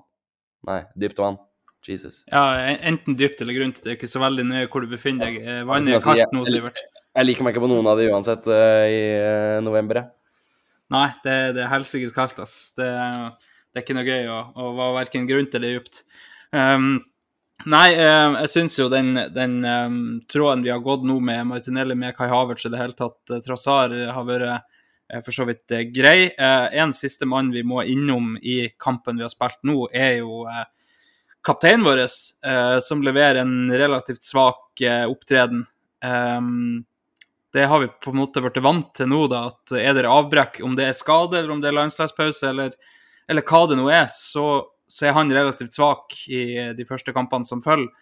Um, for et lag som på en måte allerede kanskje sliter bitte, bitte litt med at det skal løsne 100 eh, så er jo eh, en av de viktigste kreative spillerne i en sånn slags eh, si, akselerasjonsrolle, der han eh, akselererer veldig sakte ut av startblokken. Eh, ikke akkurat den helligste situasjonen i verden. Um, jeg vet ikke, Magnus. Eh, hva kan man si om, om Martin Ødegaard som ikke allerede er, er sagt, med tanke på avbrekk og, og prestasjoner deretter? E- Egentlig ingenting, Andreas. så, uh, for meg så er det det jeg har sagt det så mange ganger, så det er ikke noe, er ikke noe vits å gjenta det. Han er uh, notorisk uh, forsinka ut fra saniteten. Så det er ikke noe dramatikk i det. Jeg tenker at det er flott at vi har en rekke med kamper nå med Wolverhampton og Luton. Så har vi Brighton hjemme, tror jeg. Eh, kan jo være tøft, det vet vi jo, men det er ikke det er ikke det aller tøffeste programmet vi går inn i nå i Premier League. Eh, Det er så- Villa før eh, Brighton. Er det Villa før Brighton, ja. Den er jo knalltøff, så Fint at det er to kamper, da. Borte hvor Villa er jævlig gode òg. Ja, de er jo ekstreme på hjemmebane. De har jo har ikke tapt siden vi slo dem i, eh, ba, med bakhjulet til Martinez. Eh, så det blir tøft. Men to matcher nå, pluss Champions League også. Så tipper jeg Martin er oppe og, og, og nikker igjen. Um, jeg tenker jo at um, det virker som det er en bevegelse av mennesker nå som, som er ute etter å oppgradere Zinchenko. Uh, vi snakka litt om det før vi gikk på lufta her. og Det er narrativer ute og, og, og sykler. Billige narrativer, som Sivert uh, beskyldte meg for å være en eksponent for på Twitter i går. Det er jo ganske slemt, men uh, jeg tåler det. Uh, han Zinchenko er dårlig 1 mot en defensivt, og det, derfor så, så, er han ikke god nok for Arsenal. Og så er vi samtidig med Zinchenko ganske ofte i laget, det laget som slipper til minst XG. Det laget som er definitivt mest solid. Så vi, har vi en spiller som, i Tomiyasu som vi kan sette inn i enkeltkamper eh, på venstrebekken for å eh, kompensere for det faktum at Zinchenko ikke er, ikke er så god defensivt 1 mot henne. Det er vi enige om. Men å avskilte den på den måten som mange gjør, det, det reagerer jeg på. Eh, vi ser nok en kamp eh, hvor, hvor, vi fort kunne havne i en situasjon hvor, hvor Brentford eh, kunne ha styrt spillet mer. For Vi snakker veldig om at Arsenal kontrollerer kamper. Da tenker vi på Saliba, på Tomiyasu, på Gabriel, på Declan Rice. Så glemmer mange at en som er like viktig for å kontrollere en fotballkamp, det er Zinchenko. Eh, selv om han på en måte har sine svakheter defensivt, så må det veies opp mot hva han gjør med ball. Han har I, det, i den matchen her så har han ni pasninger inn i siste tredjedel, som er flest. Han har fire pasninger inn i boks, som er flest. Han har, han har 16 progressive pasninger, som er flest. Han har 58 carries, altså ballprogresjon med, med, ball i føttene. Det er flest. Han har 75 pasninger, som er igjen flest. Han har treffprosent på 93, som er best. Og så lurer vi på hvorfor vi styrer og kontrollerer den kampen her mot Brentford. Hvorfor har, har, vi så jævlig god kontroll på den kampen? Jo, Saliba og Gabriel er gode, dem. Men skal vi, skal, vi, skal vi, glemme at Zinchenko er like viktig på, på, den biten? Så ekstremt viktig for å få ballen inn i farlige soner. Så kan vi snakke om at Martinelli ikke er, er helt på G om dagen. Vi kan snakke om at Jesus virka ganske langt unna toppnivået sitt og alt sånt. Og vi gjør, vi gjør ting eh, offensivt når vi har muligheten, når vi har tilløp som ikke er bra. Men Zinchenko er jo den som virkelig gjør jobben sin med ball. Da. Det er han som gjør jobben sin med ball best av alle i den kampen her.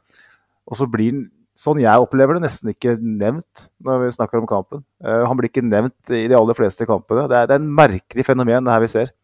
Uh, at han skal avskiltes og oppgraderes og sånt. Zinchenko er Jeg tror ikke folk skjønner ikke nærheten av å skjønne hvor viktig Zinchenko er for Arsenal per nå. Spesielt når Ødegaard, da, som vi nevnte her, ikke er helt uh, der han skal være. Når vi har en venstre åtterolleproblem som vi ikke klarer å løse.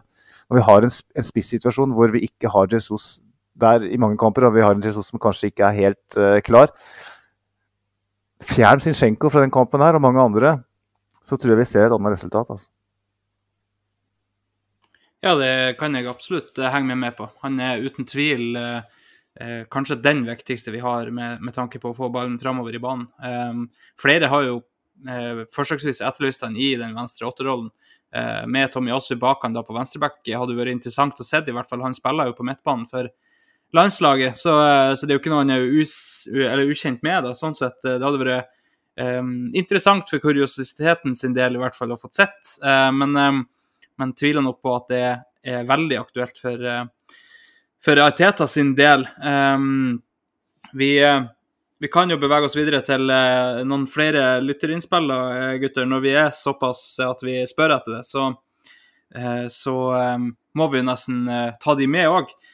Martin eh, Palle Jensen, som eh, etter Martin underscore 93 eh, sier da at eh, på denne banen er det flere storlag som kommer til å slite. Fantastisk med tre poeng og mål av Kong Kai.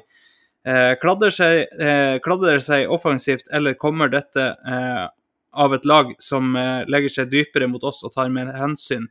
Um, en ny hverdag vi må bli vant til, spørsmålstegn. City-eksperter på det området. Eh, du er jo litt inne på det i stad, Magnus. Eh, det er vanskelig når de forsvarer seg med elleve mann rundt boksen. Eh, Brentford, det er de jo eksperter på, som, eh, som Martin sier her.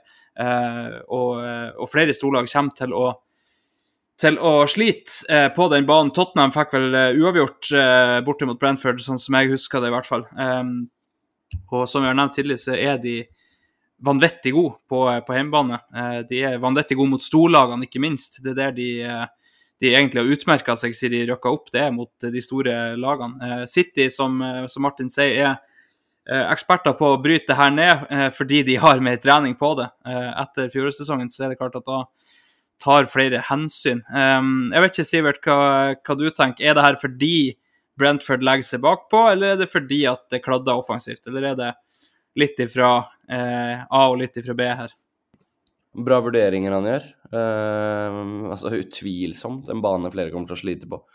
Altså Brentford har tapt tre av sine siste 23 hjemmekamper. Altså, ja, de har ikke vunnet mer enn to hjemme i år og sånne ting. kanskje du kan vri på sånne ting som du vil, men det er fakta at å altså, bare tape 3 av 23 er latterlig bra. Sånn Altså helt tullete. Og to av de er mot Arsenal, ja. Eh, Det var mitt neste poeng, som eh, Magnus skrev i chatten her. To av de tre er mot Arsenal. Altså, det er ikke en bane du skal gå til å vinne. Altså, når du ser på kalenderen før sesongen og tenker ja, har vi et bra run of fictures her, da? Ja, tre pluss tre der, pluss tre der. Du ser ikke på Griffin Park borte og sier pluss tre der, ass. Altså sånn øh, det, det, det nekter jeg å tro at, øh, at alle har full Altså stinn av selvtillit øh, borte mot Brentford. Eh, City tapte der forrige sesong. Altså dritbra lag. Eh, men jeg syns vi klarer oss bra. Jeg syns jeg må Jeg nevnte jo ikke noe i denne Zinchenko-praten. Jeg må bare si det at én mot én defensivt har han tatt seg opp betraktelig siste matchene. Eh, altså, han er jo oppe egentlig alene mot Mbuemo hele tiden. eh, og håndterer det veldig bra. Uh, og jeg syns vi har god kontroll. Jeg tror ikke det er mange andre lag i Premier League som kommer til å ha så kontroll mot Brentford, uh, bort mot Brentford.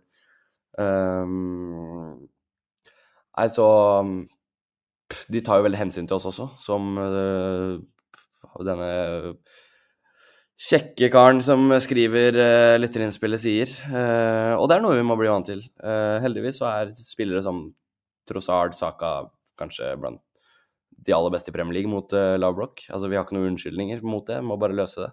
Um, så um, egentlig, egentlig betryggende å se at lag som nesten er vant til å aldri tape hjemme, vant til å ryste de store lagene, selv de møter oss og tenker oh, ligaens beste bortelag. Ah, her skal vi nok legge oss litt, ja.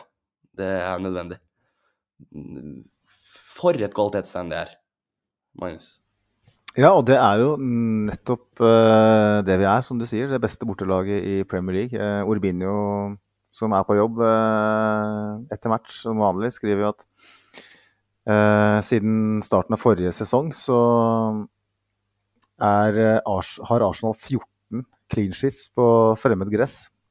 Nestemann på lista har åtte. det syns jeg er interessant.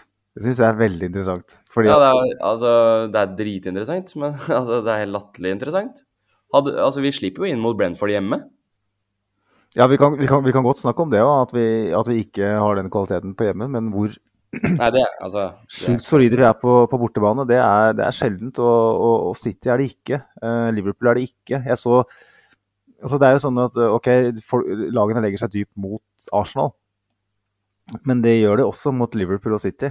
Uh, og likevel så slipper de inn.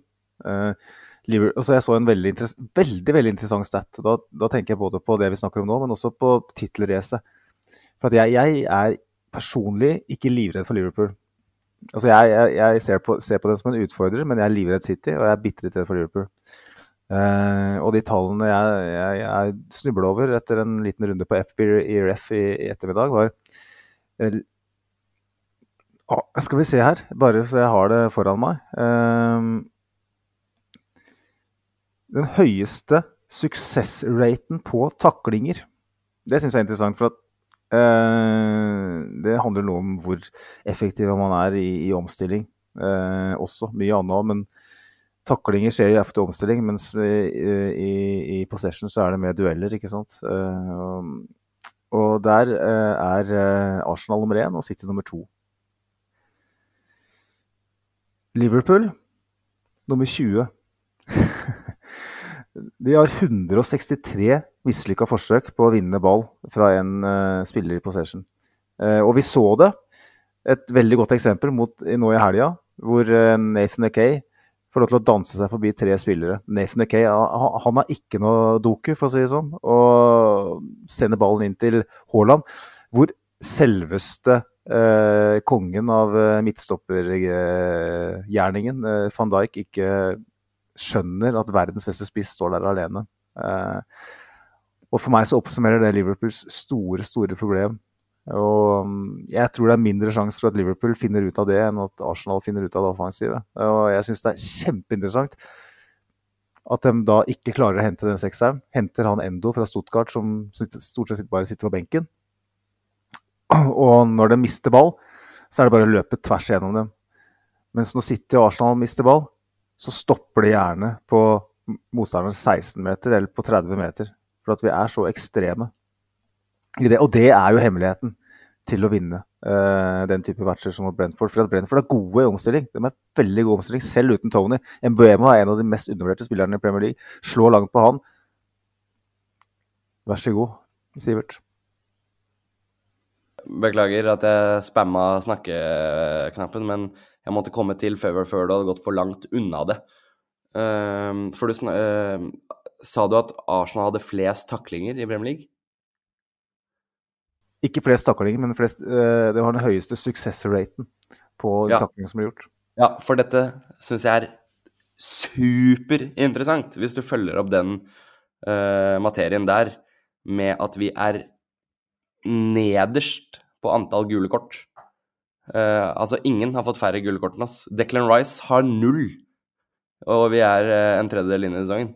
Altså, da begynner vi å snakke hvor kontrollert uh, ting er. Når du har høyest suksessrate på, på antall taklinger, og du har lavest andel gult kort og lavest andel XG conceded. Altså, wow. Yes. De to vil vel gjerne følge hverandre, da. Eh, får du et frispark imot, så er vel ikke det en suksessfull takling? Vil jo jeg tro, da. Hvis du, hvis du klipper ned ja, bare for gult kort, så ikke det en suksessfull takling. Det, det, er helt riktig, det. Og, men, men, men uh, uh, Hva skal jeg si? Altså, det Som Sivert er inne på, så det er fortsatt interessant, uansett hvordan du vil vende på det. Og tror du at Declan Rice uh, og Saliba ikke kunne vært offer for et dårlig system? Alle kan være offer for et dårlig system. Van Dijk har vært offer for et dårlig system. Forbinder har vært offer for et dårlig system. Uh, sånn at uh, vi, vi, vi, hauser opp de enkeltspillerne som åpenbart er med på å gjøre systemet jævlig godt. Men system Det her er, en, det her er på en måte en hel jævla fuckings havørn i fjær i hatten til, uh, til Mikkel Ariteta. Fordi at han, han, gjør ting så forutsigbart eh, i omstilling eh, og uten ball at eh, at man, man, er alltid i en posisjon man kan vinne taklingen. Man er alltid tatt ut i meterne, man er alltid der man skal være.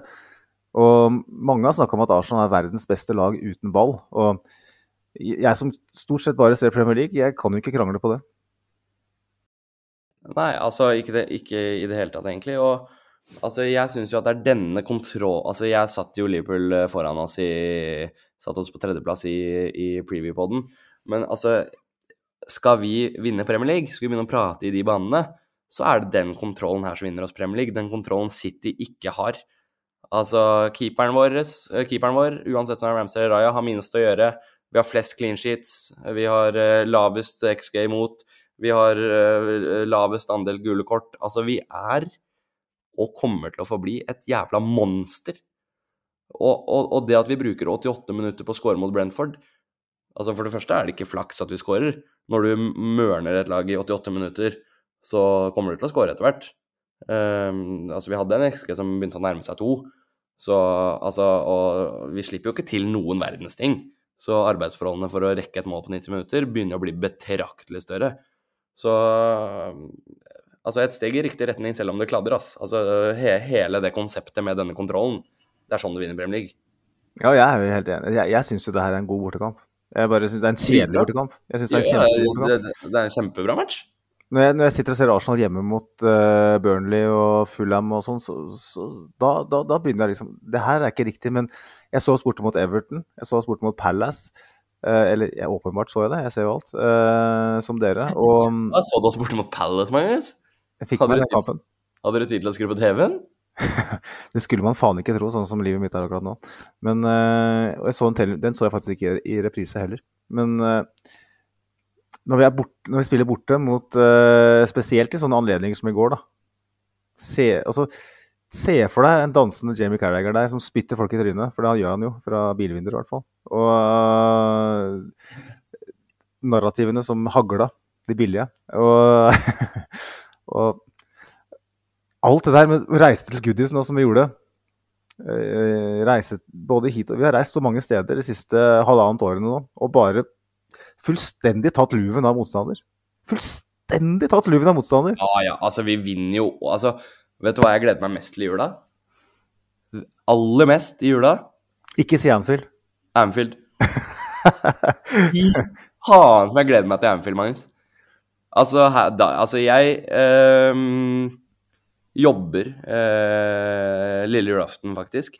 Og helt ærlig, jeg tror at Altså, jeg får sett match, den går jo seint. Uh, jeg tror at jeg skal lømpe hele dagslanda med på Arsenal den dagen, og så går det ikke inn, så skal jeg bare tenke at dette er sånn herre holiday eh, charity work. Altså, jeg, jeg har klokketro på oss på Anfield. Vi tok jo også Det her er interessant, syns jeg, da, fordi at eh, resultatbasert analyse, det er jo det alle er best på. Alle er gode på resultatbasert analyse. For det er sånn Lee Gunner-analyse som alle som har tre hjerneceller, klarer å gjøre. Eh, Newcastle i fjor, når vi vinner 2-0 borte, blir hylla som en sånn kjempeprestasjon. Arsenal som ligger nede med brukket rygg, drar til St. James' Park. Granit Xhaka gjør eh, tidenes recovery run. Martin Ødegaard banker til på langt hold og ned i de nærmeste. Så glemmer man helt at, at vi har et grisetur, at vi ikke ligger under 3-0 etter fem minutter. og så reiser vi til St. James' Park eh, på ny denne sesongen her og spiller Arsenal-fotball eh, anno 23-24, som er møkk kjedelig å se på, men som får resultater. Taper 1-0. Men sjanseoddsen for at den kampen skal ende med tre poeng, kontra den vi vant, er så mye større. Altså, altså at vi tapte på St. James' Park i år, det er unntaket som bekrefter regelen. Yes. Altså, al- altså Å, som jeg gleder meg til. Å, lille julaften her. Du har, lagt noe, du har lagd noe risgrøt eh, som du skal kjøle ned og lage riskrem av, som du får en liten uh, skål av. Kanskje en liten uh, Solhei, en liten portvin på sida der. Å, så jeg Å, fy faen, som jeg gleder meg. Uh, match på Anfield. Å, altså Det blir så gøy, det. Det blir, det blir, det blir helt magisk. Um, jeg har uh, et lytterinnspill fra en um, veldig godt bekjent. Uh, tipper uh, Andreas skyter inn forresten 17 ubeseiret i London. Det, det er jo kult, det òg.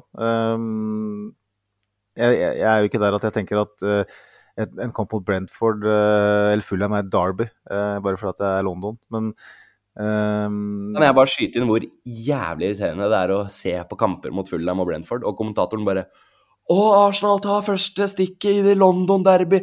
London Derby, også kjeften din, da. Ja, det er så jævlig sant. Um, men uh, min uh, Mona Johansen er søstera mi. Hun har jo til stadighet sendt inn lytterinnspill på DM. Uh, blitt smitta av meg. Den uh, Altså smitte, Smitteraten er type 98% hvis du vokser opp med meg. Sånn er det bare. Du, du, får ikke sove inne hvis du ikke er på Arsenal. Sånn er det med døtrene mine nå. Og uh, husk, hun har vært, hatt et torn i siden på Arsenal veldig, veldig lenge, og det er innkast. Uh, husk, altså, nå har jeg, jeg har ikke telefonen foran meg, men hun skriver liksom at det, det, går så sakte, det er ikke noe plan. Og hver eneste gang man skal ta et innkast, så tar man det aldri kjapt. Man venter alltid på den som på en måte alltid er Han venter på bekken, for å si det sånn. Han venter på Zinchenko, han venter på Tomiyasu, sånn som det var i går. Man tar aldri det kjappe innkastet, og man venter kjempelenge. Og så får man gult kort. Eh, eller to gule, som, eh, som Tomiyasu fikk i, i Derby mot Palace. Eh, og så, så er det en liten snakk i seg sjøl, for vi bruker faen meg tre kvarter på en, en corner nå. og det er litt sånn når man spiller borte under flomlysene. Uh, og det er masse trøkk, så, så, så begynner, vi, begynner, jo publikum å pipe og gestikulere etter 20 sekunder. Uh, men det er, det er, fortsatt interessant å snakke om det der med, med innkast. Da, fordi at, uh, for, for, henne så er det her sånn kjempeelefant i rommet. Liksom, hva er det som skjer? Hvorfor er vi ikke mer effektive, liksom? For å stille dere spørsmålet. Dere kan, hvem, hvem, som helst kan svare av dere. Men er vi er det noe å hente der? Er hun inne på noe?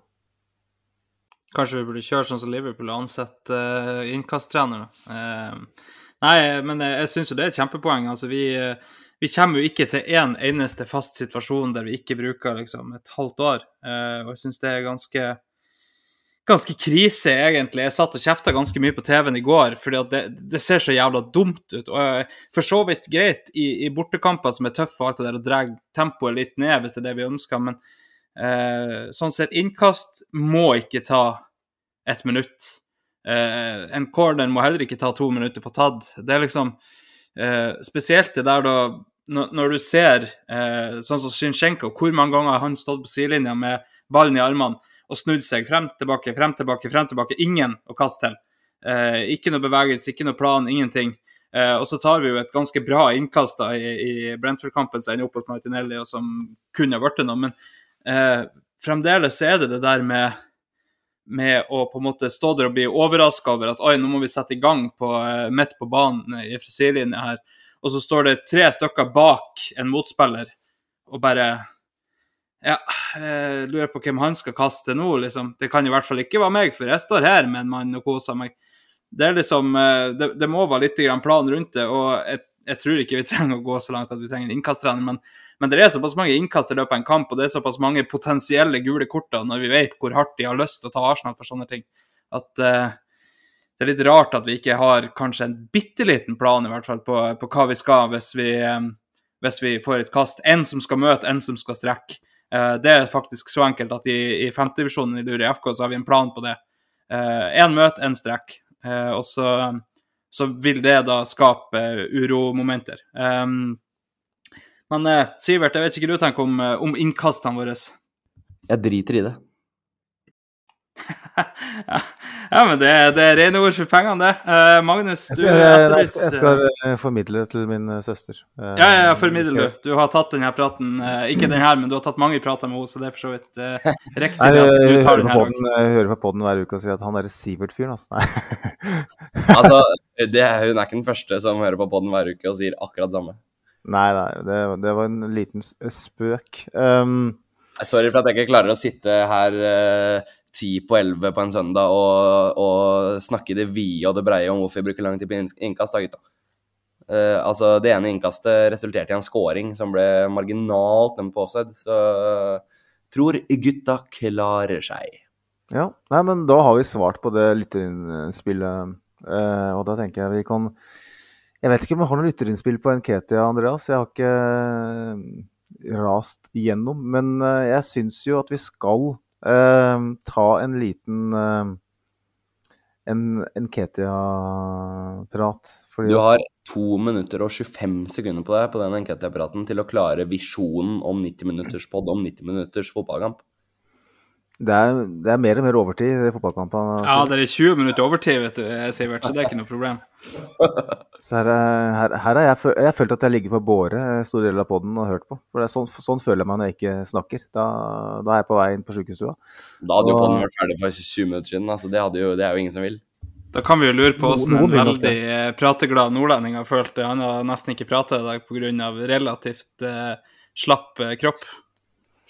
Ja, altså Sånn blir det når du ikke spiser spinaten din. Det er sånn når du har ketsjup på, på Ja, fiskegratengen. når du har ketsjup på fiskegratengen, da er det klart at kroppen sier fra etter hvert. Ketchup er, er fine greier, det. Det er det beste, beste tilbehøret som finnes, nesten. Det er altså så, det er altså så jævlig. Altså, jeg, jeg, I fremtidige jobbintervjusituasjoner, hvis jeg noen gang sitter på andre sida bak bordet, etter å ha spurt hva du kan tilføre organisasjonen, hva som driver deg, og fortelle litt om deg selv, så er spørsmålet har du ketsjup på noe annet enn pølse i brød. Er svaret ja, så bærer jeg deg ut av kontorlokalet. Du, du, altså, du, er en, du er litt sånn Ingebrigt Sten Jensen-type, eh, Sivert. Sånn at uh, han hadde jobbintervju på restauranter, og hvis folk begynte å, å salte maten sin før de smakte på dem, så var den ferdig. Ja, men jeg, det er jo Altså, den kan jeg Vet du hva, jeg jeg, jeg er større enn som så. Den skal jeg klare. Men hvis du sitter på jobbintervju og, og sier at 'nei, jeg elsker ketsjup', jeg har ketsjup på fiskebollene mine sammen med Karin Jævlig, jævlig spesielt jobbintervju. Hvis, hvis Faen, da eh, mister ass. Nei, jeg hadde ansatt på det. På ketsjup eller ikke ketsjup. Skal vi forby muting for fremover, Andreas? For jeg, jeg syns det flyter godt nå. Vi har unnmyta alle gutta her. Men uh, Eddie Nketia uh, Du var inne på det, Andreas, så vidt det var. Eh, I den kryptisk korte matchpraten som utgjør fem minutter av en og en halv time så langt, eh, så sa, sa du at eh, du forbandt både julestjerner og alt som var, og sendte Sonja i snøen på vei til, som selve greven nedover øh, snø til Haka. Og så ble en del av et sånt trubadurorkester. Så ille var det med, med, med den Ketia. Eh, jeg, har ganske mye på hjertet, øh, men er, er det noen av dere som liksom har noe Veldig, veldig rart det der.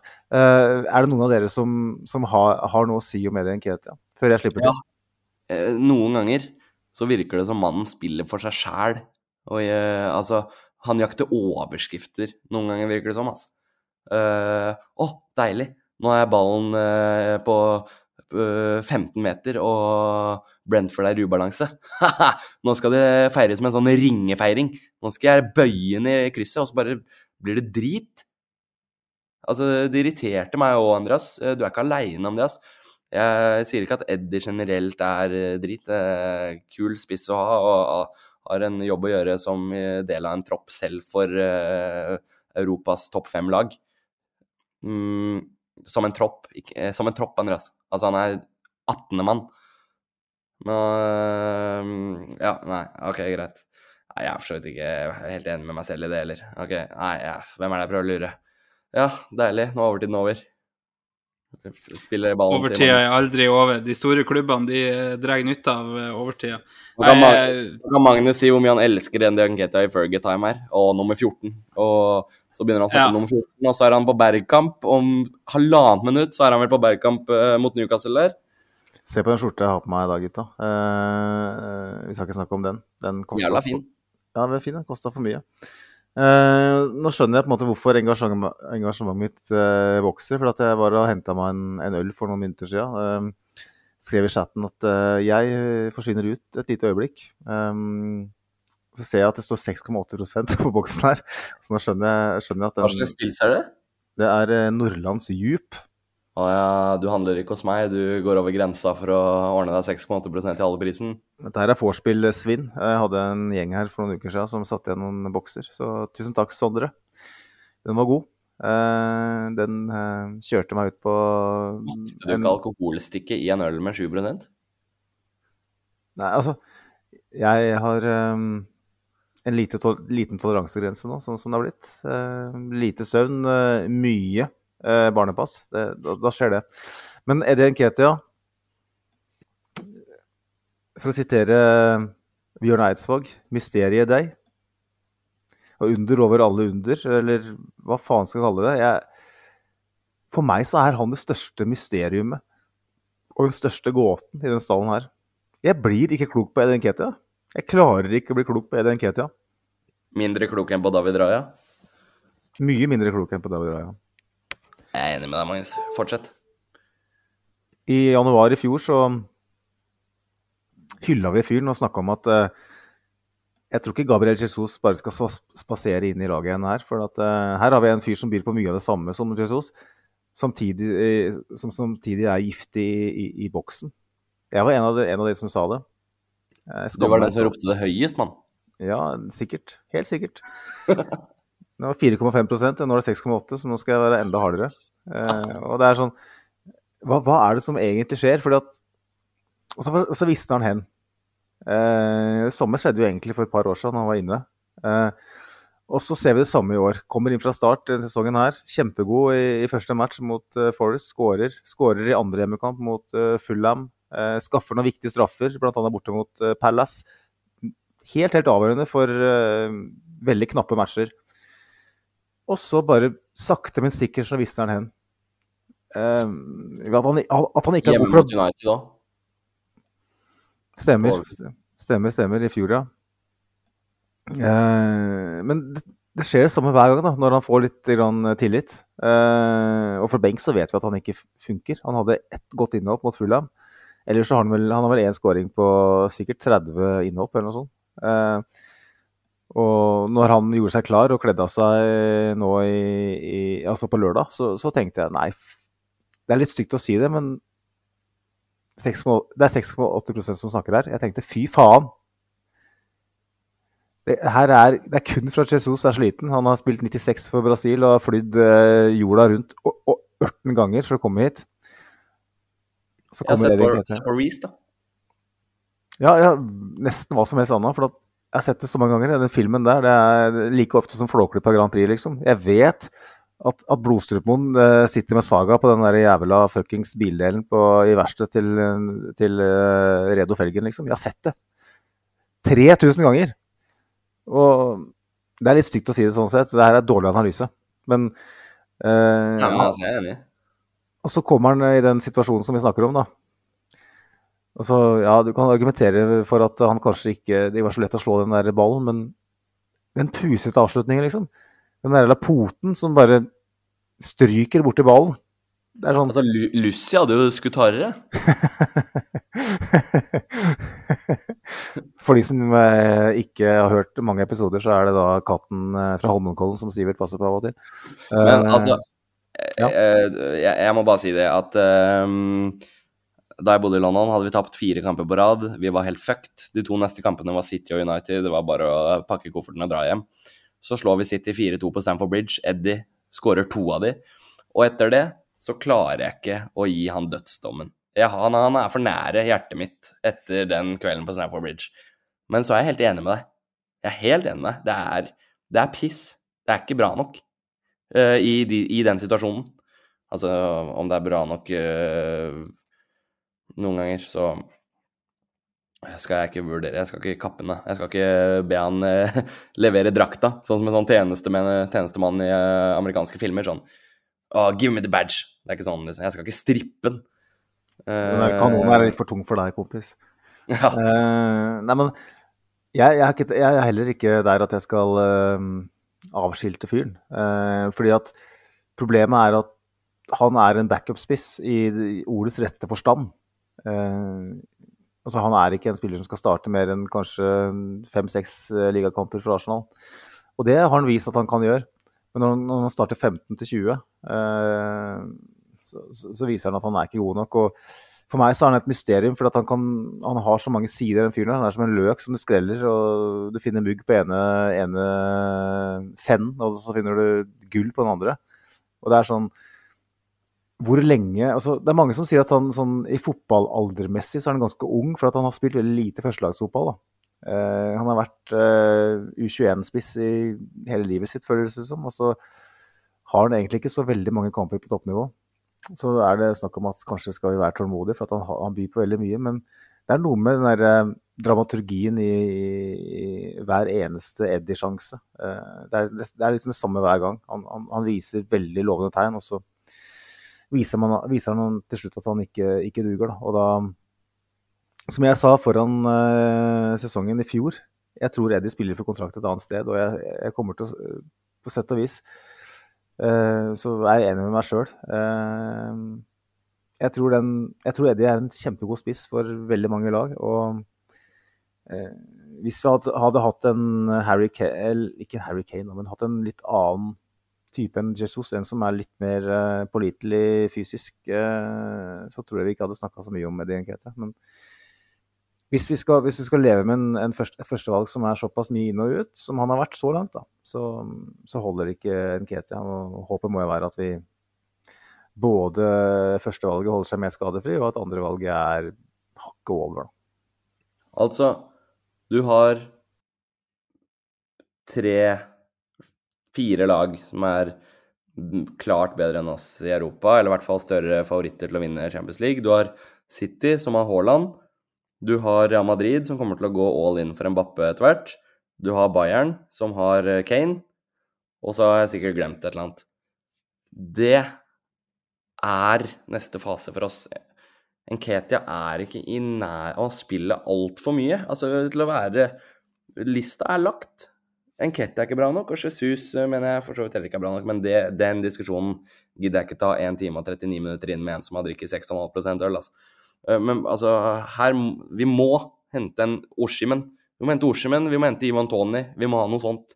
Enketia viser hver gang han kommer inn at dette er Det kan være bra hvis han har dagen, og så er det sannsynligvis utrolig midd. Sånn oss imellom, eller oss, nei, sånn oss imellom, mener jeg. Eh, så ble det vel nevnt i dag på sosiale medier fra eh, Team News Tix, som er den eneste, nesten den eneste Arsenal-Twitter-kontoen eh, ITK-messig som folk tror på. Han har samme kilde som meg. Ja, ja, men han har jo sikkert 100 000 følgere, da. Så av de som på en måte Hvis du begynner å skrive på engelsk, Sivert, så er du med i klubben. Eh, jeg orker ikke. Nei, nei. Men uh, han bekrefter jo at, uh, at vi er, har bestemt oss for han. Og det, nest, neste sommers Rice er kanskje Ossimen. Og da, hvis, hvis, vi snakker slike kalibre, så da er det bare å innkassere ligatittelen på et eller annet tidspunkt. Så, så sjukt er det. Så sjukt er det. 6,8 nummer én. Ja, men det er deilig. Eh, ja, skal gutta kaste inn ordentlig, eller? Vi har en litt pjusk eh, ordstyrer og en eh, som er på nordlandsdypen i andre enden, og en som har vært i Bærum og sett eh, Dunseby mekke straffe. Fy faen, Duns er god om dagen. Duns er god om dagen. Det, det, det tar jeg ditt ord på. Deilig at vi har tittelen på episoden der. Duns, Dunsby er god om dagen. Ja, det, det dunster eliteserie. Ja, det gjør det, altså. Sats, øh, Duns, Dunsa Magnus òg for tida. Jeg er jo Ja. Jeg sa det før vi begynte å spille her. Jeg, jeg, de som følger meg på Twitter, ikke tro at jeg er Sandefjord-fan. Fordi at jeg legger ut mye piss om uh, en god kamerat uh, som får det til nå. Jeg er Eik og Arsenal. Eik Tønsberg og Arsenal. Ja, Haga Larsen begynner å nærme seg liggesår her, for han har så konstant eh, positur her. Så de tablettene begynner å funke, Andreas. Og da tenker jeg at uh... Ja, nei, det var rett og slett Plutselig så jeg at jeg har uh, Den laderen som står iplugga på PC-en, ikke iplugga et annet sted. Så um, det, det kom opp en melding om lavt batteri. Jeg tror Haga Larsen skal få lov å ta redigeringsjobben nå, så snakkes vi neste søndag. Ja, vi gjør det. Da er det vel Wolverhampton hjemme. Så får tro på en rolig trepoenger der òg, vel. Det er, det er klassisk at den blir dritvanskelig da, men uh, mm. vi, vi um... Altså, jeg har, jeg har, eksamen mandag, mandag, mandag fjerde, så dagen etter, men jeg satser på at jeg stiller uansett. Det er good. Jeg vet ikke, Andreas. Uh, ordstyrerhatten den hviler på mitt hode akkurat nå. Uh, sånn at Kan ikke jeg prøve å ta den på? Ja, vær, så, vær, så, god, Sivert. Kan du avslutte på den? Det hadde vært litt gøy. Nei, men da, gutter, har vi fått uh, snakket oss gjennom det som skjedde på uh, Gtech uh, Community. oppskriftsmessige trepoenger for dette bunnsolide bortelaget. Så ønsker vi alle en fin uke. ja, det begynner å bli kaldt. Kle dere godt. Det er ikke flaut å bruke dob dobbeltlag sokker. Ull er ikke tull. ja, så da gjenstår det bare eh, fra meg og si eh, vi hørs. oi, oi. Ha dem, ha dem. Hei.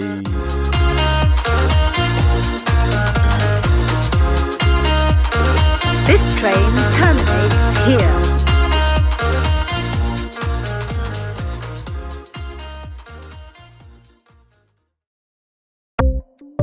Ukens annonsør er HelloFresh. HelloFresh er verdens ledende matkasseleverandør og kan være redningen i en travel hverdag. Mange av oss har nok vandret i butikken både sultne og uten en plan for middagen, som ender med at vi går for de samme kjedelige rettene gang på gang. Middag burde være dagens høydepunkt. Som HelloFresh kan du nå velge mellom 25 ulike retter hver eneste uke, eller få HelloFresh til å sette sammen menyen for deg. Dette gir deg muligheten til å prøve nye og spennende retter alene eller sammen med familien. Du velger antall porsjoner og får alt levert på døren på et tidspunkt som passer for deg. Oppskriftene er enkle, og maten er lett å lage både for store og for små. Ved å få alt levert hjem får du også mer tid til å dele matgleden med familie og venner. Kanskje det frister med asiatiske tacos eller greskinspirert kylling? Da kan jeg anbefale deg om å gå inn på hellofresh.no. Her kan du bruke koden FOTBALL og få opptil 1779 kroner i rabatt på de første fem matkastene hvis du ikke har prøvd HelloFresh tidligere. Du kan også bruke rabatten hvis du har vært kunde og stoppet abonnementet ditt for tolv måneder siden eller lengre. Gå inn på hellofresh.no og bruk koden FOTBALL. Har du et enkeltpersonforetak eller en liten bedrift? Da er du sikkert lei av å høre meg snakke om hvor enkelt det er med kvitteringer og bilag i fiken, så vi eh, gir oss her, vi. Fordi vi liker enkelt. Fiken superenkelt regnskap.